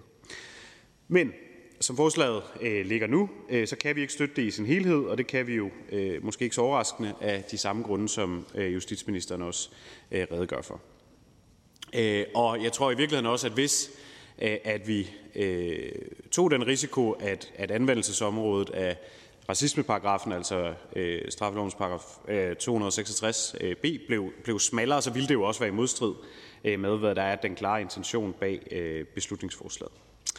Men når vi nu ikke kan støtte hele forslaget i sin helhed, og måske i særdeleshed nu, hvor det så er et borgerforslag, som er nået hele vejen herind, så er jeg egentlig rigtig glad for, at vi kan stå sammen om en løsning, øh, der gør, at vi kan tage det øh, ud af øh, borgerforslaget, der handler om om, om, øh, om straffelovens paragraf 206, eller øh, nej, øh, paragraf 81, og stemme øh, igennem herinde, og hvad der tyder på at blive et, øh, et, et bredt flertal. Øh, det synes jeg er øh, rigtig godt, også over for dem, der er afsender på, øh, på forslaget, og derfor øh, ser jeg frem til i øh, udvalgsbehandlingen, at vi øh, finder en god form på et ændringsforslag til øh, beslutningsforslaget, så vi kan få det stemt igennem, og jo vigtigst af alt, at vi kan få gjort øh, straffeloven helt tydeligt på øh, det her område. Så med de ord, tak. Kort bemærkning til hr. Sikandar Siddiq. Værsgo. Fri Grønne. Jeg vil gerne sige tusind tak til øh, den socialdemokratiske ordfører. Det er fantastisk, at vi i dag kan samle os omkring det, at vi skal styrke øh, lovteksten i, for, i forhold til hadforbrydelser. Nu nævnte øh, ministeren i sit indlæg, at man er optaget af det i regeringen. Og man gav blandt andet et eksempel omkring en, antisemit, en handlingsplan mod antisemitisme. Med rette, det skal vi have. Men vi ved også, at alle undersøgelser lige nu viser, at der er også en anden gruppe, der særligt er udsat, nemlig den muslimske, de muslimske minoriteter. Og derfor kunne jeg godt tænke mig at høre, om Socialdemokratiet sammen med Frie Grønne vil rejse en antiracistisk handleplan, en omfattende antiracistisk handleplan, som også skal beskytte vores muslimske minoriteter.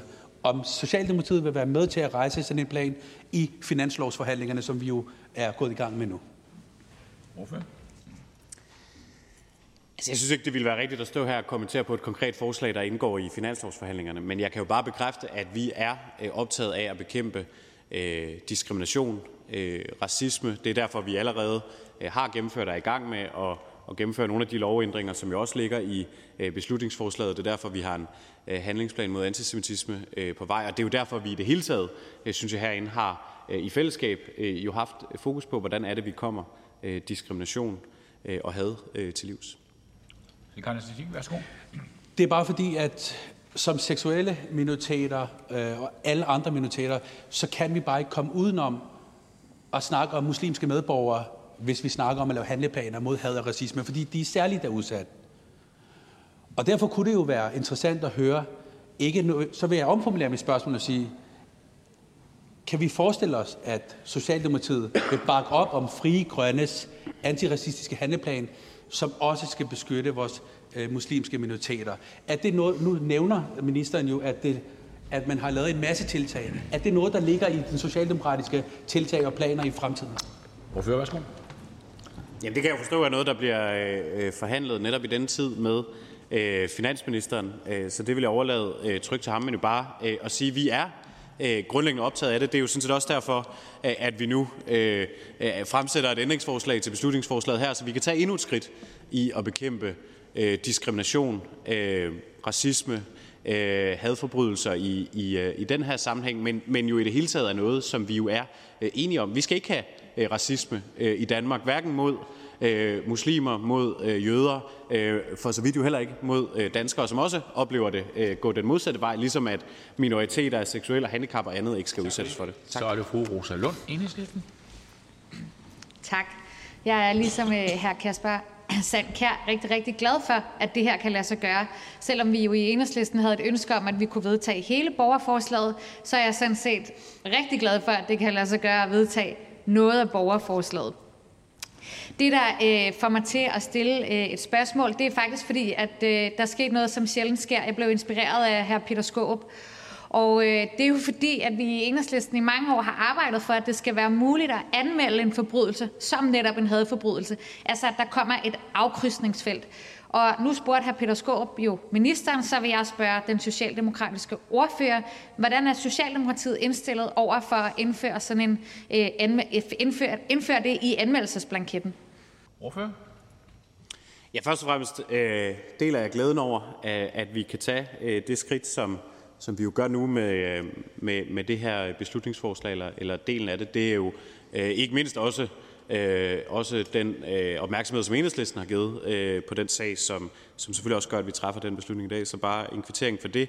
Øh, I forhold til det andet, altså vi diskuterer jo i rigtig mange sammenhænge, øh, hvordan er det vores øh, offentligt ansattes arbejdsvilkår er, hvor meget papirarbejde og dokumentation øh, udsætter vi dem for, og derfor og hvor meget tid ender det med at tage fra kerneopgaven og jeg synes bare, det der er, altså det er jo sådan nogle af de der dilemmaer, vi står rigtig tit i, hvor vi på den ene side gerne vil have øh, noget data, noget statistik, øh, nogle oplysninger, vi på den anden side også gerne vil have, at de ikke bruger for meget tid med papirarbejde og bruger øh, mere tid på det, der er, er kerneopgaven.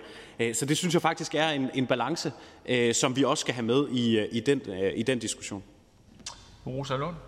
Jeg er rigtig glad for, at Socialdemokratiet har lagt mærke til, at vi i Enhedslisten har arbejdet med det her rigtig længe og rigtig meget. Så tak for den anerkendelse. Jeg er enig i det her med papirarbejdet, og vi har jo også lavet en politiaftale, hvor vi netop forsøger at gå væk fra at skulle, hvad kan man sige, detaljstyre politiets arbejde. Og derfor er det vigtigt for mig at sige, at det, som det her handler om, er jo, at det er borgeren, der udfylder det her, ikke politibetjenten. Så på den måde kan man sige, at man jo øh, sporer politiet eller politibetjenten derhen, hvor vedkommende skal, altså sætter et fokus på det, så det ikke i mine øjne mere papirarbejde til politiet, men det er en anerkendelse af det, offeret har været udsat for. Ordfører, værsgo. Ja, men, men at lave et schema, et øh, øh dokumentationsregime, øh, så hvis vi skal gøre det, skal det jo også være, fordi det er meningsfyldt øh, for dem, som øh, skemaet bliver afleveret til, og som, som arbejder med det. Øh, og, og jeg vil bare sige, når, når jeg taler med, øh, med, med, med, med politibetjente, så er det, jeg får ikke en oplevelse af, at de behøver mere øh, papirarbejde. Tværtimod vil de gerne have mere tid til at øh, bekæmpe og opklare øh, forbrydelser. Så, så bare sige, det synes jeg virkelig, vi skal have med, øh, når vi øh, taler om at, at lave øget dokumentationskrav, øh, krav om øh, øh data og statistik øh, i politiet. Per Skåb, Dansk Folkeparti.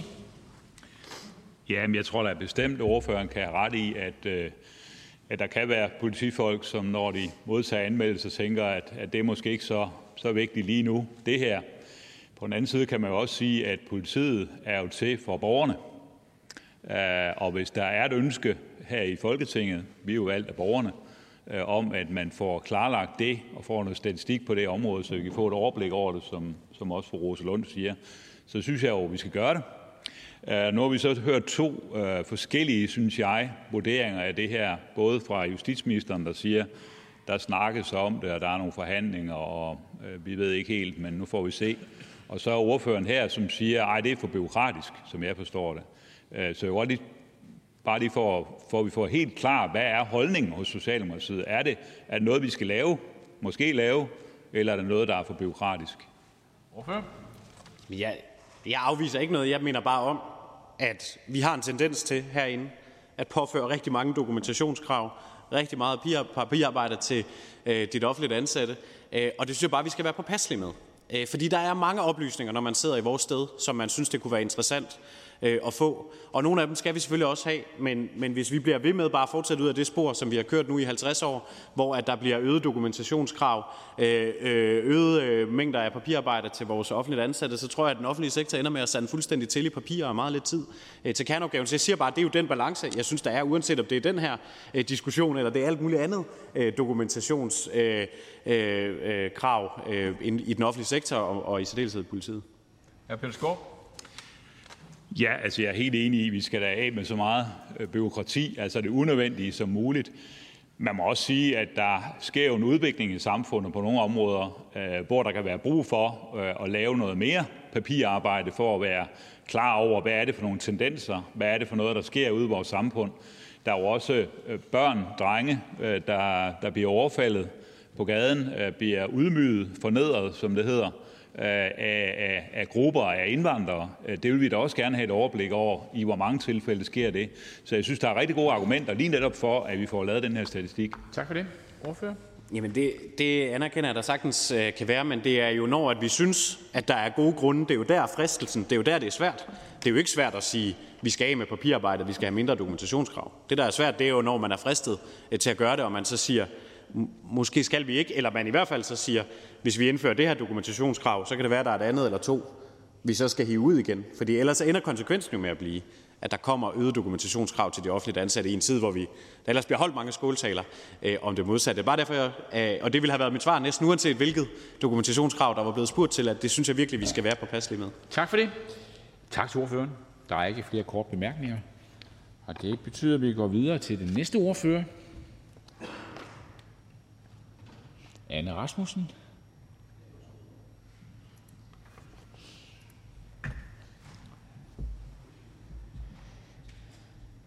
Venstre.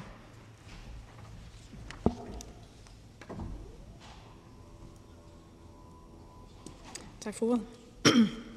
Først vil jeg gerne starte med at takke forslagsstilleren for initiativet til det her borgerforslag. Det er et forslag, øh, der er til formål at styrke retssikkerheden og beskyttelse af minoriteter. Et formål, som vi i Venstre støtter op om. I Venstre går vi ind for, at alle borgere skal føle sig trygge og frie, uanset hvem de er. Hadforbrydelser kan ikke accepteres af nogen art. Angreb mod uskyldige mennesker rammer både den enkelte, men også hele den befolkningsgruppe, som den enkelte er en del af hårdt. Derfor hører hadforbrydelser på ingen måde hjemme i et samfund som vores. Vi skal i det danske samfund have plads til, at folk kan være den, de er. Vi skal alle kunne færdes alle steder i Danmark, uanset tro, etnicitet, kønsidentitet eller handicap. Og det er vores pligt som lovgiver og som samfund at gøre, hvad vi kan for at sikre dette. Forslagstiller ønsker at tilføje, at en hadforbrydelse kan være både helt eller delvis begrundet i had. Og selvom en tilføjelse til paragraf 81 ikke ændrer den nuværende retspraksis på området, da det allerede står nævnt i forarbejderne, vil en direkte tilføjelse i loven sende et stærkt signalværdi, som vi i Venstre støtter. Og som ministeren også har redegjort for, så kan Venstre heller ikke støtte øh, en ændring af paragraf 266b. Og derfor er vi også glade for, at regeringen og den støttepartier har til hensigt at stille et ændringsforslag. Og på den baggrund ser jeg frem til det kommende udvalgsarbejde. Tak for ordet. Tak for det. Og der er ikke nogen korte bemærkninger. Derfor siger vi tak til ordføreren og går videre i ordførerrækken til hr. Peter Skåb.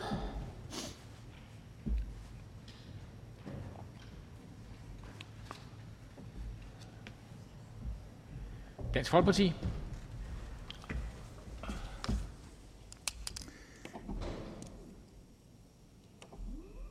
Tak for det.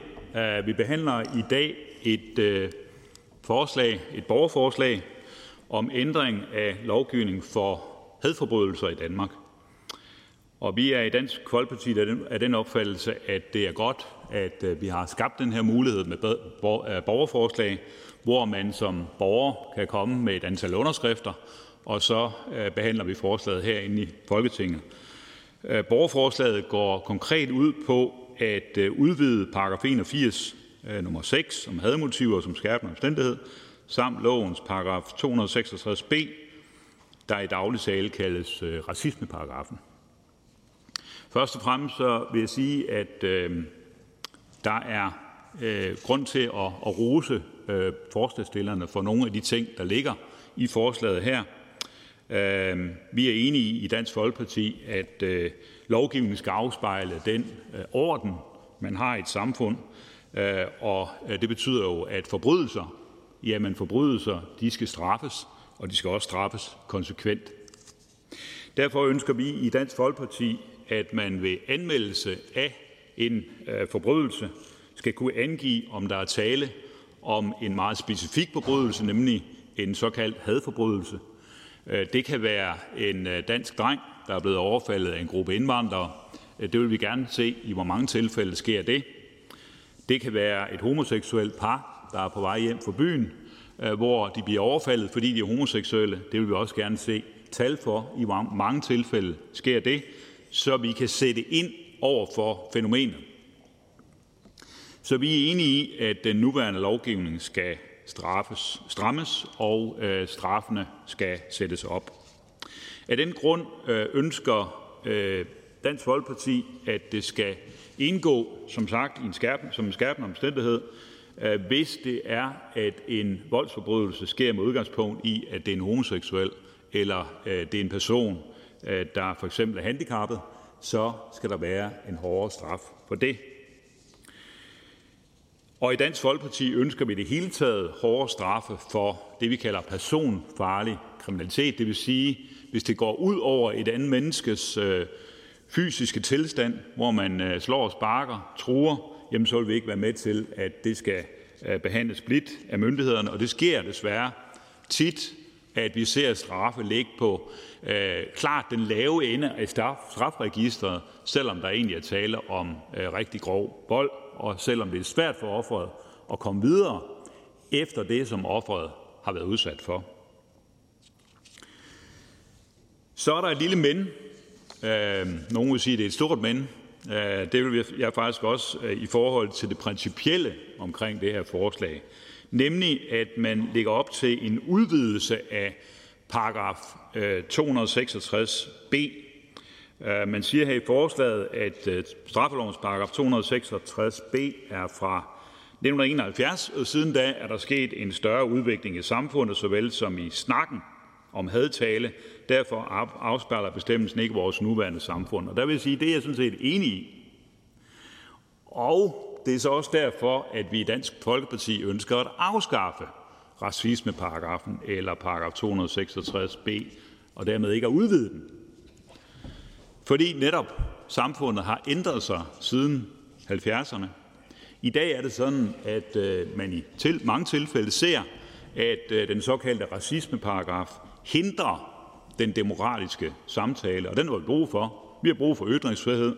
Det er vigtigt, at man kan tage tabuer, udfordringer i vores samfund op, uden at blive ramt hårdt af øh, en straffelovsparagraf som 266b. Så derfor er det vigtigt, hvis vi skal have den frie demokratiske samtale, at vi ikke har paragraf 266b. Det er jo egentlig også derfor, at vi for år tilbage fik afskaffet den såkaldte racismeparagraf. I øvrigt øh, lidt mærkeligt, at Socialdemokratiet var imod at øh, afskaffe den. Man ønskede at bevare den. Men en tilsvarende afskaffelse af racismeparagrafen vil understøtte beskyttelsen af vores ytringsfrihed, så der er en parallel, øh, et parallelt spor mellem, at vi afskaffede blasfemiparagrafen, og så at vi afskaffer racismeparagrafen. Så er det sådan, at man i borgerforslaget lægger op til i paragraf 81 i straffeloven at øh, lave nogle øh, forbedringer, synes vi. Og vi er enige i Dansk Folkeparti, at begrebet eller, eller lignende, som står øh, i øh, den her paragraf, ikke er dækkende for vold for for eksempel øh, handicappet, eller mod for eksempel handicappet. Det vil vi gerne udpensle ekstra i bestemmelsen. Og det er også derfor, at Dansk Folkeparti tog initiativ til øh, Øh, B 64, som det hed, øh, omkring en strafskærpelse for hadforbrydelser motiveret af offerets handicap. Så alt i alt så er der som sagt rigtig gode takter i borgerforslaget, men den skrue, vi skal stramme på, øh, det skal ikke være 266b. Der skal skrues andre steder i lovgivningen. Tak for det. Der er ikke nogen korte bemærkninger, så vi siger tak til øh, ordføreren og går videre til SF's ordfører, og det er fru Karina øh, Lorentzen Denhardt.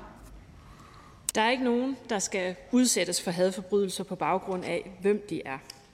Og derfor er det også et vigtigt øh, forslag, som kredsen bag Beskyt Minoriteter har fremsat her i dag. Tænk sig at blive overfaldet for noget, som man ikke selv kan ændre eller kan gøre ved, ens hudfarve, ens seksualitet. Det synes jeg er ret forfærdeligt. Og selvom vi er kommet meget længere i dag i forståelsen og rummeligheden og tolerancen, så er der ingen tvivl om, at der er noget at arbejde med. Øh, det, det vidner tallene øh, om. Øh, desværre er der en vækst i antallet af hadforbrydelser, så der er også nogle bekymrende tendenser, og derfor er det her forslag ret vigtigt. Selvom noget af forslaget øh, er gennemført eller på vej igennem lovgivningsprocessen, for så vidt angående en bedre beskyttelse af personer med handicap eller en anden øh, kønsidentitet, så er der stadigvæk en del af forslaget, som er yderst relevant. Vi fik jo en juridisk udredning af borgerforslaget, og vurderingen er, at hvis vi gennemfører den del, som handler om racismeparagrafen, så kan Justitsministeriet faktisk ikke udelukke, at det vil føre til færre domsfældelser. Og det tænker jeg ikke, vi kan være interesseret i. For jeg synes, noget af det her handler jo også om at komme mørketallet på det her område til livs. Og hvis man skal få mod til at anmelde, så vil man jo også være optaget af, om der er nogen, der tager sagen, og om den bliver ført, ligesom vi som samfund selvfølgelig også skal være optaget af den præventive effekt af, at der rent faktisk falder nogle domme. Til gengæld så er vi, øh, ligesom mange andre partier her i salen, øh, optaget af at gennemføre det forslag, som handler om at indskrive i paragrafen, at øh, en hadforbrydelse også kan være motiveret helt eller delvist i had.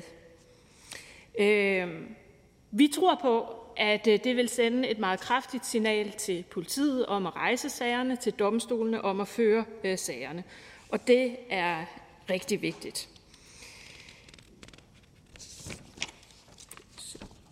Ja. Øhm, jeg fik bare lyst til at, at lige øh, bringe lidt folkeoplysning ind i debatten også. Øh, der var faktisk 8 procent af offerne øh, i perioden 2008 til 2019, øh, som mente, at volden mod dem helt sikkert var motiveret af racisme. Desværre hører vi af og til, at der er nogen, der forsøger at anmelde, øh, men hvor det ikke lykkes at få rejst øh, sagen på den baggrund. Og jeg håber jo, at den her øh, ændring, som vi nu foretager, vil betyde, at øh, det sker i, øh, i mindre udstrækning. Men det svarer faktisk til, at der er et sted mellem 4300 og 5800 personer hver år, som udsættes for racistisk motiveret øh, vold. Er der så ikke mere, vi kan gøre, når øh, nu vi gennemfører det her? Øh, det mener jeg bestemt, der er. Øh, det her det er et skridt på vejen, men vi skal gøre mere. Jeg synes, en af de helt store udfordringer i dag også er, at hadet får så meget frit løb på øh, sociale medier. Øh, her står offrene nærmest retsløse. De kan ikke, øh, de kan ikke få det fjernet. Øh, det tror jeg er ret indgribende, øh, når man øh, oplever det, at man skal se det her blive spredt øh, omkring sig, og, øh, og der så er meget få muligheder for at, at få fjernet det her fra nettet. Der gælder jo de samme regler, kan man sige, som, øh, øh, som i den fysiske verden, men det kniver alligevel øh, en hel del med retsforfølgelsen, når det handler om det, der foregår på nettet. Det tror jeg, vi bliver nødt til at dyrke noget mere og gøre noget ved. Så er der uddannelsen af politiet, som jo er de første, der møder offrene. Det er så vigtigt, hvordan man bliver modtaget som offer, Øh, at man møder forståelse, at man møder øh, velvilje. Det har vi taget lidt hul på i politiforledet, hvor vi jo også øh, gerne vil uddanne øh, politiet noget mere. Øh, og det er et, et, et af de vigtigste elementer, fordi det er der, øh, anmeldelsen starter, øh, og sagen kan blive til noget. Så der er masser af ting, som vi øh, kan tage hul på, og som jeg også tror, at vi kommer til at gøre. Så til slut er der kun at sige tillykke til beskytte minoriteter. Det er en bedrift at få 50.000 underskrifter på et borgerforslag, men det er en endnu større bedrift rent faktisk at få gennemført noget af det. Så tillykke med det, og tillykke til os alle sammen, fordi vi har også som samfund gavn af en ændret lovgivning. Tak for det, og der er ikke nogen korte bemærkninger, så tak til ordføreren. Og vi går videre til Radikale Venstres ordfører, og det er fru Samira Nava. Mange tak. Initiativtagerne bag det her borgerforslag har været til stede på Christiansborg siden kl. 11 i dag, og tålmodigt ventet på, at vi skulle nå til det her sidste punkt på dagsordenen. Jeg mødtes med dem i øh, ventetiden. Det var ikke meget. De havde fået spist og drukket af bare nervøsitet og spænding over, at deres borgerforslag nu skulle behandles i salen. Og en af kvinderne fik også tårer i øjnene, da hun skulle fortælle mig om, hvordan det føltes og hvad det betyder, at et flertal i Folketinget nu en efter en går på talerstolen og tilkendegiver opbakning til borgerforslaget med initiativgruppens eget ændringsforslag. Og den opbakning skal der også lyde her fra Radikal Venstre. For hadforbrydelser er en dybt alvorlig sag og har alvorlige konsekvenser for både ofrene for den specifikke hadforbrydelse, men også for samfundet som helhed. Undersøgelser peger på, at ofre for hadforbrydelser efterfølgende kan leve et liv i frygt og isolere sig, lukke sig om sig selv. Og det gælder ikke kun for det konkrete offer for den konkrete forbrydelse, men også for den øvrige minoritet.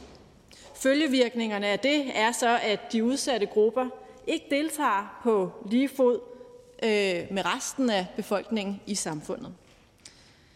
I dag så fastslår straffelovens paragraf 81 nummer 6, at det er en skærpende omstændighed, hvis en forbrydelse har baggrund i andres etniske baggrund, religion, handicap, seksuel orientering eller lignende.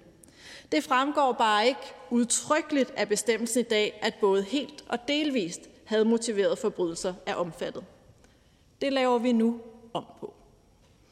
Så det tydeliggøres i straffeloven, at der er tale om en hadforbrydelse, også selvom motivet kun, kun i gåseøjne delvist er had. Er alt så gjort med den her lovændring? Nej. Hadforbrydelser er ikke løst med det her. I Radikale Venstre har vi i flere år arbejdet for at få en handlingsplan mod racisme og diskrimination, uanset hvilken minoritet man tilhører og hvor man møder diskrimination. Om det måtte være på arbejdsmarkedet, om det er på boligmarkedet, i nattelivet, uanset hvor man møder den og hvilken minoritet man tilhører, så skal vi ikke tolerere den. Og det krav om en national handlingsplan, det har vi med til finanslovsforhandlingerne. Men for nu, der vil jeg gerne sige stor tak til initiativgruppen bag borgerforslaget, og alle underskriverne af borgerforslaget for at have skubbet Folketinget i retning af lige præcis den her vigtige lovændring. I dag der fejrer vi, og i morgen er vi i arbejdstøjet igen. Tak for ordet. Tak for det. Og der er ikke nogen korte bemærkninger, så tak til ordføreren. Og vi går videre til enhedslistens ordfører, og det er fru Rosa Lund. Tak for det. Selvom jeg er rigtig, rigtig glad i dag, så er det faktisk også med en lille smule blandede følelser, jeg er her, når vi i dag behandler det her borgerforslag. Fordi på den ene side, så har jeg virkelig glædet mig til, at vi skulle diskutere det her og behandle det her borgerforslag. Jeg er faktisk også en lille smule rørt over, at det endelig er lykkedes at samle et flertal. Men jeg bliver også rigtig, rigtig trist og ked af det på den anden side over, at det overhovedet er nødvendigt, at det overhovedet er nødvendigt, at vi har den her diskussion. For det her borgerforslag og den her diskussion udspringer jo af, at der er for mange mennesker i Danmark, som oplever at blive udsat for had, kun på baggrund af den, de er. Og det gør mig rasende, hver eneste gang jeg hører en historie om en person, der er blevet udsat for en hadforbrydelse på baggrund af vedkommendes etnicitet, køn, seksualitet, handicap eller tro. Og selvom at jeg alt for ofte må læse om de her voldsomme overgreb i medierne, så er det jo foruroligende få sager, hvor der rent faktisk falder en dom. Hver fjerde overfald i Danmark opleves af offeret som en hadforbrydelse. Hver fjerde overfald. I 2019 registrerede politiet 569 sager, som kan karakteriseres som hadforbrydelser. I disse sager er der kun rejst tiltale i 120. Jeg og Enhedslisten har jo i flere år kæmpet for tiltag mod hadforbrydelser. Og heldigvis så har vi herinde i Folketinget taget skridt i den rigtige retning. Vi har sikret, straffelovens racismeparagraf omfatter handicap og køn. Vi har sikret, at politiet har nu mulighed for at tage efteruddannelse i hadforbrydelse. Og i dag der får vi sikret, at det bliver muligt at dømme for hadforbrydelser, også selvom man i samme omgang begår en anden forbrydelse. Derfor vil jeg gerne i dag sige stor tak til dem, der har skrevet borgerforslaget, sendt det ind. Det er et meget grundigt stykke arbejde, der ligger bag. Jeg vil også gerne sige tak til alle de mennesker, som har skrevet under på borgerforslaget. Tak for den kæmpestore indsats, som der er blevet gjort for at lave det her borgerforslag, for at samle de underskrifter. Hvis ikke det var sket, så er jeg ikke sikker på, at der i dag havde været det flertal, som heldigvis tegner sig her i Folketingssalen i dag. Jeg synes jo på mange måder, at det er lidt utroligt, at det ikke allerede er sådan, at man kan dømme for en hadforbrydelse, selvom at der også er et andet motiv. Det synes jeg faktisk er en lille smule mærkeligt, for det står sådan set i bemærkningerne. Men det understreger jo bare, at det er fuldstændig nødvendigt at flytte det ind i lovteksten. For i et retssamfund, der skal alle borgere være beskyttet af loven. Uanset hudfarve, uanset køn, kønsidentitet, religion eller handicap. I Danmark der er vi jo gode til at fortælle os selv og hinanden, at vi lever i et samfund, hvor alle er lige, og hvor der ikke er problemer eller diskrimination. Men den historie den eksisterer kun på papiret. Fordi virkeligheden fortæller os noget andet. Ellers tror jeg ikke, at der var 50.000 mennesker, der havde skrevet under på det her borgerforslag. Kvinder, som bærer tørklæde, må se sig over skulderen på gaden. Transpersoner er bange for at tage bussen, fordi de møder tilråb, eller bliver spyttet på, eller bliver overfaldet. Jødiske mænd gemmer deres kalot i lommen. Danske afroamerikanere bliver overfaldet på vej hjem fra byen. Det er mennesker, som ikke kan gå i fred på gaden, kun på baggrund af dem, de er. I foråret så oplevede min øh, gamle klassekammerat at blive udsat for vold og trusler på en parkeringsplads, samtidig med, at hun blev nedværdiget med racistiske ytringer af overfaldsmanden. Det er jo et klokkeklart eksempel på en hadforbrydelse, men der gik noget tid. Forsvarsadvokaten eller anklagemyndigheden skulle lave noget arbejde, for at det her overhovedet kunne blive en had, dømt som en hadforbrydelse. Det er jo den omvendte vej at gøre tingene, mener jeg. Jeg synes, at det her forslag er et skridt på vejen mod et samfund, hvor vi tager minoritetsbeskyttelse alvorligt, fordi selvfølgelig så skal du have de samme vilkår som alle andre, uanset hvem du er. Vi har i enhedslisten endnu flere forslag til, hvordan vi kan sikre minoritetsrettigheder fremadrettet. Og jeg håber selvfølgelig, at et flertal herinde vil bakke op om, at politiet skal have bedre uddannelse i at håndtere hadforbrydelser, at det skal fremgå af anmeldelsesblanketterne, om der er tale om en hadforbrydelse, og at vi får lavet statistik på, hvor mange hadforbrydelser der egentlig sker fordi hvis vi kender de tal, så kan vi også bedre sætte ind. Jeg vil bare sige, at hele Enhedslistens folketingsgruppe støtter borgerforslaget, støtter ændringsforslaget, og vi glæder os rigtig meget til at trykke på de grønne knapper. Tak for det. Og der er ikke nogen korte bemærkninger, så tak til ordføreren. Og vi går videre til Konservativ Folkepartis ordfører, og det er fru Britt Bager.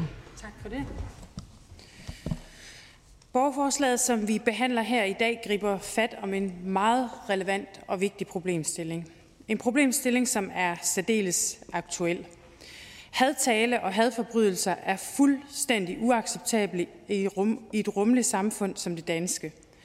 Her skal man trygt kunne være den, man er. Som det tidligere har været nævnt af andre ordfører, så består det her forslag jo af flere dele.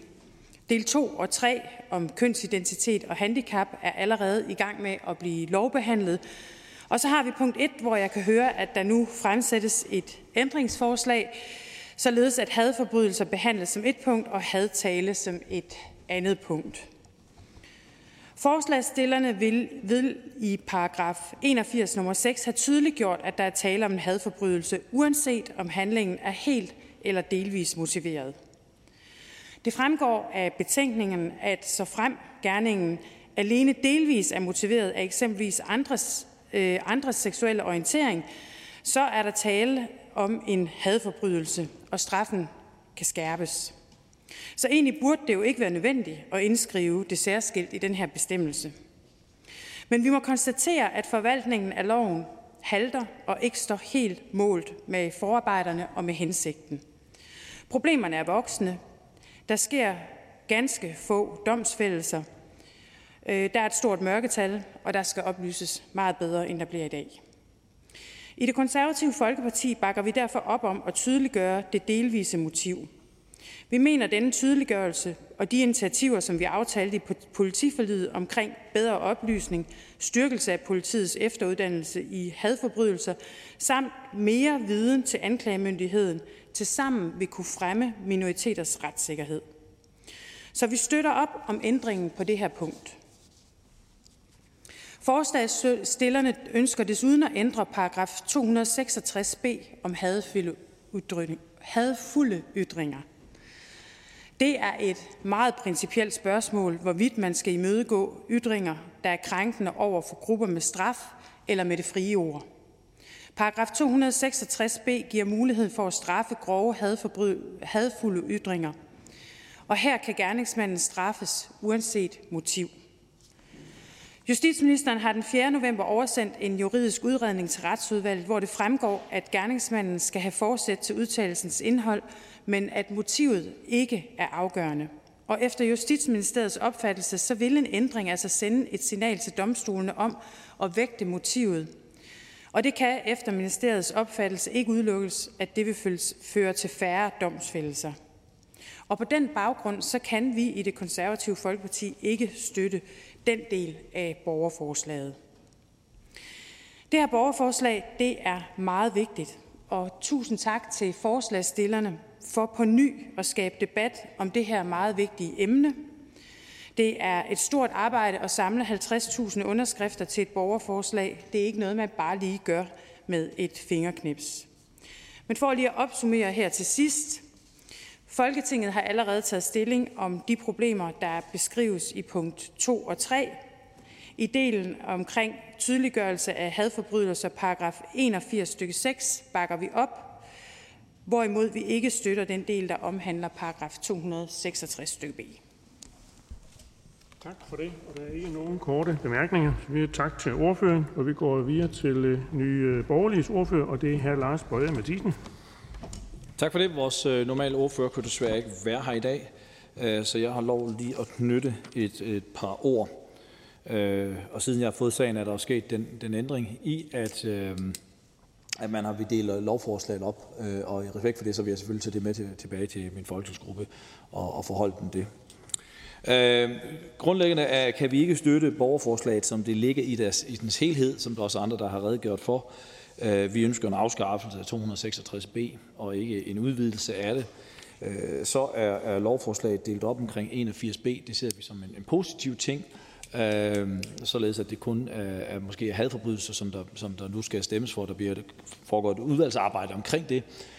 Og det ser vi også frem til. Øh, det kan faktisk godt være, at der er elementer der, som vi faktisk også vil se positivt på. Det må vi se, når der kommer et konkret lovforslag omkring det. Jeg jeg vil så også øh, knytte et par, par generelle kommentarer til det. Øhm, fordi hadforbrydelser er hadforbrydelser. Og det er øh, grumt og slemt, om det er begået mod en minoritet eller mod en majoritet. Jeg synes, øh, vi skal passe på i debatten, at, at vi ikke øh, sætter skæld ned imellem at en hadforbrydelse er værre, når det får begået mod en minoritet over for en anden minoritet, hvis det bliver begået på grund af seksualitet eller religiøsitet eller noget andet. Så skal vi passe på med, at vi ikke gradbøjer de her hadforbrydelser. I min optik så er en hadforbrydelse bare en hadforbrydelse. Øh, og, og, og, og derfor synes jeg, jeg, jeg synes faktisk, det er positivt, hvis, hvis vi begynder at få registreret det her lidt, lidt mere, også detaljeret. Øh, fordi at jeg tror, der er... Øh, Altså den offerundersøgelse, som ligger, den, det er jo et estimat. Altså så når man siger de 7 og 8 procent, så er det jo et estimat, hvor man så bare øh, øh, tænker, jamen så er der et sted med måske mellem 3 og 5.000, men vi ved det reelt set ikke. Øh, fordi det beror på, på en undersøgelse, og det, kan jo, det er jo en subjektiv vurdering af, hvad føler man. Og det er jo ikke det samme, som, som der er fra, kan man sige, fra myndighederne konkretiseret, det er en objektiv øh, øh, kan sige, hadforbrydelse, der er sket på grund af en, en, en minoritet eller en seksuel orienteret eller noget andet. Så jeg synes faktisk, det er væsentligt, at vi begynder at kigge lidt mere øh, på, på, på de her tal. Øh, også fordi, at der er Øh, minoriteter, som, som er, er er hårdere ramt end, end andre. Det, det skal man være, være ærlig at sige. Øh, jøderne er, er hårdere ramt. Jeg ved godt, at til Tidikant han, han sagde, snakke om muslimerne, men, men det er ikke helt faktuelt korrekt. Hvis man tænker andelen af dem, så er det faktisk jøderne, der har den højeste andel af, af folk, der bliver begået had, hadforbrydelser imod. Øh, og, og, og det har vi en forpligtelse til. Jeg vil så også sige, at der foregår en jeg håber, at ved, ved det her, for nu ændrer man jo, man vil ændre i 81b til, at, fordi som det er allerede nu, kan dommeren jo både, når det er helt og, og delvis, ligger det jo allerede i, den nuværende lovgivning, at man kan dømme efter det. Og nu vil man så have i det, det, den tilføjelse, der skal stå i almindelighed i det, sådan som jeg i hvert fald har forstået på det. Det er den ændring, man går efter. Øh, og, og der skal man huske, at, at jeg håber, at det bliver bredt ud til, til befolkningen, og hele befolkningen, at nu skal man altså, når man føler, at man er et offer for det, så skal man gøre det klart til politiet, at det er det, man er offer for. Og jeg tror måske, man skal være bedre til at tage kontakt. Fordi det, det som jeg oplever tit, det er, den, som jeg kalder, og det er måske sådan et dumt ord for det, men det man kalder hverdagsracismen, som, som, hvor, hvor, hvor man oplever et eller andet, som man lader gå hen over hovedet. Det ser jeg som en farlig tendens. At, at hvis vi som samfund begynder at vende os til, at okay, det er, det er okay, og det er ligegyldigt, om, om der er en, der, der, der lever med, at man er blevet kaldt perker, eller man er, lever med, at man er blevet kaldt kartoffel, eller man lever med det andet. Som samfund synes jeg, at vi går ned i en, en skidt sti, hvis, hvis, vi, hvis det begynder at blive normalt. Og, og, og mine år ude i, i den danske folkeskole har jeg set et skridt der. At man begynder at acceptere en, en, en anden tone over for hinanden. Øh, så er det tit, det bliver undskyldt med sarkasme og ironi. Og vi skal selvfølgelig stadigvæk passe på, at de to begreber de bevares i det danske sprog. Jeg synes, det er vigtige ting at have. Men, men oftest ligger der også en reel undertone bagved det, som vi som samfund er begyndt at acceptere. Og det synes jeg er en, en farlig vej at, at gå ned efter.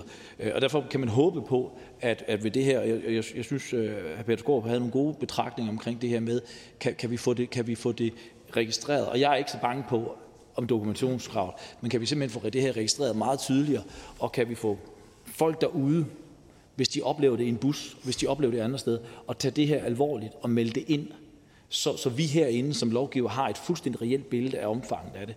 Og så kan man også tage, tage de, de rette skridt derimod. Det synes jeg vil være positivt. Tak for det. Og der er en enkelt kort bemærkning, og det er fra fru Rosa Lund. Tak for det. Det er jo sådan en helt mærkelig grå novemberdag i dag, fordi enhedslisten og regeringen er sådan set enige om, at det her skal indføres. Hr. Peter Skåb, han inspirerede mig til at stille et spørgsmål, fordi nu var vi lige enige om noget. Og nu siger hr. Lars Bøje fra Nye Borgerlige noget, jeg også er enig i. Det, det sker bare ikke så tit. Så jeg kan bare være sikker på, at jeg forstod det rigtigt. Altså, Nye Borgerlige vil gerne sammen med blandt andet enhedslisten arbejde for, at der bliver lavet mere statistik på området om hadforbrydelser, at vi får et klart overblik over, hvem der begår dem, hvem det går ud over, netop sådan, så at vi kan forebygge dem og stoppe dem. Hvorfor? Jamen, jeg tror, der foregår øh, mere øh, flere hadforbrydelser i det danske samfund, end, end hvad man, øh, man, man ved i dag. Og, og, øh, og så kan vi have den politiske holdning om, omkring, hvem det er på, om det er minoriteter eller majoriteter. Og det kan så begynde at skille os ad. Og, og det synes jeg, det er der ingen grund til i det her. Øh, men, men, men jeg oplever også, jeg får mange henvendelser øh, fra, fra, fra ganske almindelige øh, etniske danskere, som også oplever, at der er for eksempel i Aarhus, der er busser, de ikke tør at køre i. De får masser af kommentarer, når de sidder i det. det. Og, det og det skal vi også tage alvorligt. Så, så, så det er, men jeg vil meget nødt i ned, det skal blive sådan en, en demmer os debat det her, fordi min hele hovedpointen var jo, at hadforbrydelser er hadforbrydelser. Og, og det er ligegyldigt, om det bliver begået mod minoriteter eller majoriteter. Rosa Lund. Jeg er, sådan set, jeg er enig i, at det eksempel, her Lars Bøje kommer med, er fuldstændig forfærdeligt. Men det er kriminaliseret i forvejen. Så det vi prøver at gøre nu, det er jo netop at sikre, at minoriteter også bliver bedre beskyttet. Men det jeg fisker efter, det er jo, kan vi på den, øh, i hvert fald her i den yderste venstrefløj, yderste højrefløj, blive enige om, at der skal laves bedre statistik på det her, så vi netop kan komme problemet til livs. Altså, fordi jeg er enig i, der er mange af de her anmeldelser, som aldrig bliver anmeldt. Det siger det kriminalpræventive råd også. De siger, at der er et kæmpestort mørketal, og det er jo netop et udtryk for, at der er meget, som ikke bliver anmeldt. Ordførende? Ja, og der, der, der skiller vandene så måske alligevel lidt til, til, til sidst. Fordi jeg, jeg er ikke enig i, at, at, at majoriteterne øh, er, er godt nok beskyttet omkring det her. Altså, vi bliver også nødt til at se på, at når indvandrerdrenge og efterkommer laver overfald, og det hovedsageligt sker mod etniske danskere, er det så ikke også en hadforbrydelse? Er det ikke også så, at der ikke er sket en udvælgelse på baggrund af etnicitet eller nationalitet, når det forekommer? Det bliver vi også nødt til at tage med herinde. Og hvis man lukker øjnene for det, så har man altså ikke gjort sit arbejde ordentligt. Tak for det. Så er der ikke flere korte bemærkninger. Tak til øh, ordføreren. Jeg ser ikke nogen fra øh, Liberale Alliance, så vi går videre til Frie Grønne, og det er her øh, Sikander Siddiq. Tak for ordet, Tak for ordet, formand. Må jeg lige starte med at kigge op på de tre stærke, stærke kvinder, der sidder deroppe, og som har formuleret det her borgerforslag. Tusind, tusind tak til jer. I har lykkedes med noget, som har været rigtig, rigtig svært at sætte antiracisme og had på dagsordenen i Folketinget. Tusind tak til jer. Og tusind tak til de 50.000 borgere, der har skrevet under på jeres borgerforslag og har gjort det muligt, at vi står her i dag og taler om had, racisme og hadforbrydelser. Lad mig starte med at sige, at Frie Grønne bakker fuldstændigt op om borgerforslaget. Hele borgerforslaget. Stod det til os, så skulle det gennemføres præcis med samme ordlyd, som det er, I har formuleret. Så vi bakker fuldstændigt op. Men jeg kan forstå, at der ikke er total opbakning til hele forslaget. Men jeg vil dog alligevel gerne bruge anledning til at kvittere og sige tusind tak til alle de andre partier, som bakker op øh, om ændringsforslaget. Fordi det er et vigtigt ændringsforslag. Vi havde i Fri Grønne selv stillet et lignende forslag, som vi jo trak, der også var på dagsordenen i dag, så vi netop kunne behandle det her øh, forslag, øh, borgerforslag. Men det er også vigtigt for mig og for Fri Grønne at sige, at det her er et vigtigt første skridt.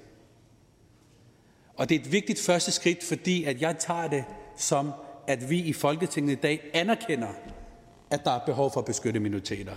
Og vi, ja, vi anerkender, at der er et had derude, som skal bekæmpes. At vi anerkender, at der er en racisme derude, der skal bekæmpes. Og den racisme og den had mod seksuelle minoriteter, mod muslimske minoriteter, mod folk med et særligt kønsudtryk, og alle de minoriteter, vi har derude, det bekæmper vi ikke ved at tro, at nu er vi i mål. For det er vi ikke. Vi ved, at kvinder med tørklæde skal sende 60% flere ansøgninger for at overhovedet komme i betragtning til et arbejde, til et samtale. Det er diskrimination på arbejdsmarkedet. Det skal vi også have løst. Vi ved, at der er rigtig, rigtig mange borgere, brunborgere, minoritetsborgere, som bliver diskrimineret i, arbejds, øh, i øh, nattelivet. Det skal vi også have løst. Vi ved, at der er rigtig mange unge minoritetsdrenge, der bliver udsat for raceprofilering. Der er masser af historier derude. Det skal vi have løst. Vi ved, at når Fatma og Halima efter 100 ansøgninger stadig ikke får et arbejde, så får de at vide på jobcentret, at hvis du ændrer dit fornavn, så vil det blive nemmere at komme i betragtning. Altså, at vi har problemer med diskrimination, direkte, indirekte, strukturel diskrimination og racisme. Det skal vi komme til livs. Fri Grønne, Danmarks antiracistiske parti, inviterer alle i finanslovsforhandlingerne til at bakke op om en omfattende antiracistisk handleplan, en handleplan mod racisme og had, så vi på alle niveauer af samfundet kan bekæmpe hadet, bekæmpe diskriminationen og sørge for, at vi bliver et reelt, mangfoldigt samfund. Fordi det er vigtigt at huske på, at så længe nogen af os, så længe nogen af os er fanget af racismens lænker eller mærker hadet, så længe nogen af os, bare nogen af os, er fanget, så er der ingen af os, der er frie. Så tiden er til, at vi anerkender, at vi er et mangfoldigt samfund, og den mangfoldighed skal komme i udtryk strukturelt og i vores hverdag. Så Frie Grønne bakker fuldstændigt 100% op om forslaget, og vi ser frem til det videre arbejde med øh, forslaget. Tusind tak for ordet. Tak for det. Og der er en enkelt kort bemærkning fra her Lars Bøje Mathisen. Jamen, det er fordi, jeg kunne godt tænke mig at komme lidt nærmere på, om, om ordføreren også mener, at, at det kan, jeg siger ikke altid det er, men det, det, det kan godt øh, blive betragtet som en hadforbrydelse, hvis en gruppe af indvandrerdrenge, 5-6 stykker, går sammen og udvælger en dansk dreng og overfalder ham. Ordføreren? Øh, nu skal jeg lige høre, når ordføreren siger indvandrerdreng, er det så nogen, der er kommet udefra og overfalder en etnisk dansk dreng? Eller taler ordføreren i virkeligheden om minoritetsunge, der er født og opvokset i Danmark? Det er en vigtig detalje, det er en vigtig præmis for, forslag, for spørgsmålet, som skal være i orden. Det vil jeg lige gøre opmærksom på. Jeg mener, at alt slags had, had mod alle, skal bekæmpes.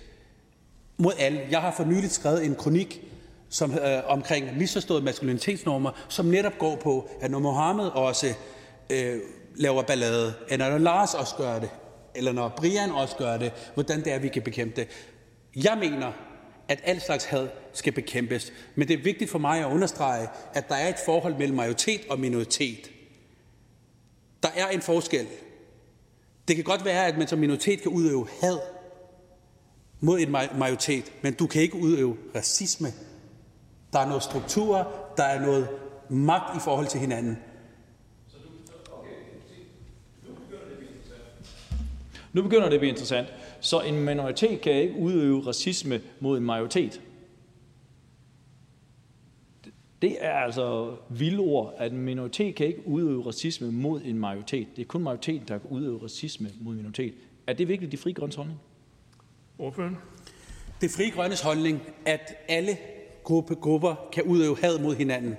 Men hvis du skal udøve racisme i et samfund, så skal du ligge øverst, have magt i samfundet så kan man udøve racisme nedad. Men når minoriteter er nederst i samfundet, så kan de ikke udøve racisme opad. De kan udøve had, men det er en anden ting. Tak for det. Så er der ikke flere korte bemærkninger. Jeg siger tak til ordføreren. Og jeg ser ikke nogen fra KD. Og da der ikke er flere, som har bedt om ordet, er forhandlingen sluttet, og jeg foreslår, at forslaget henvises til øh, retsudvalget. Og hvis ingen gør indsigelse, betragter jeg dette som vedtaget og det er øh, vedtaget. Og Der er ikke mere at foretage i dette møde. Folketingets næste møde afholdes onsdag den 17. november 2021 kl. 13. Og Jeg henviser til den dagsorden, der vil fremgå af Folketingets hjemmeside, og jeg skal øvrigt henvise til ugeplanen, der vil fremgå af Folketingets hjemmeside. Mødet er hævet.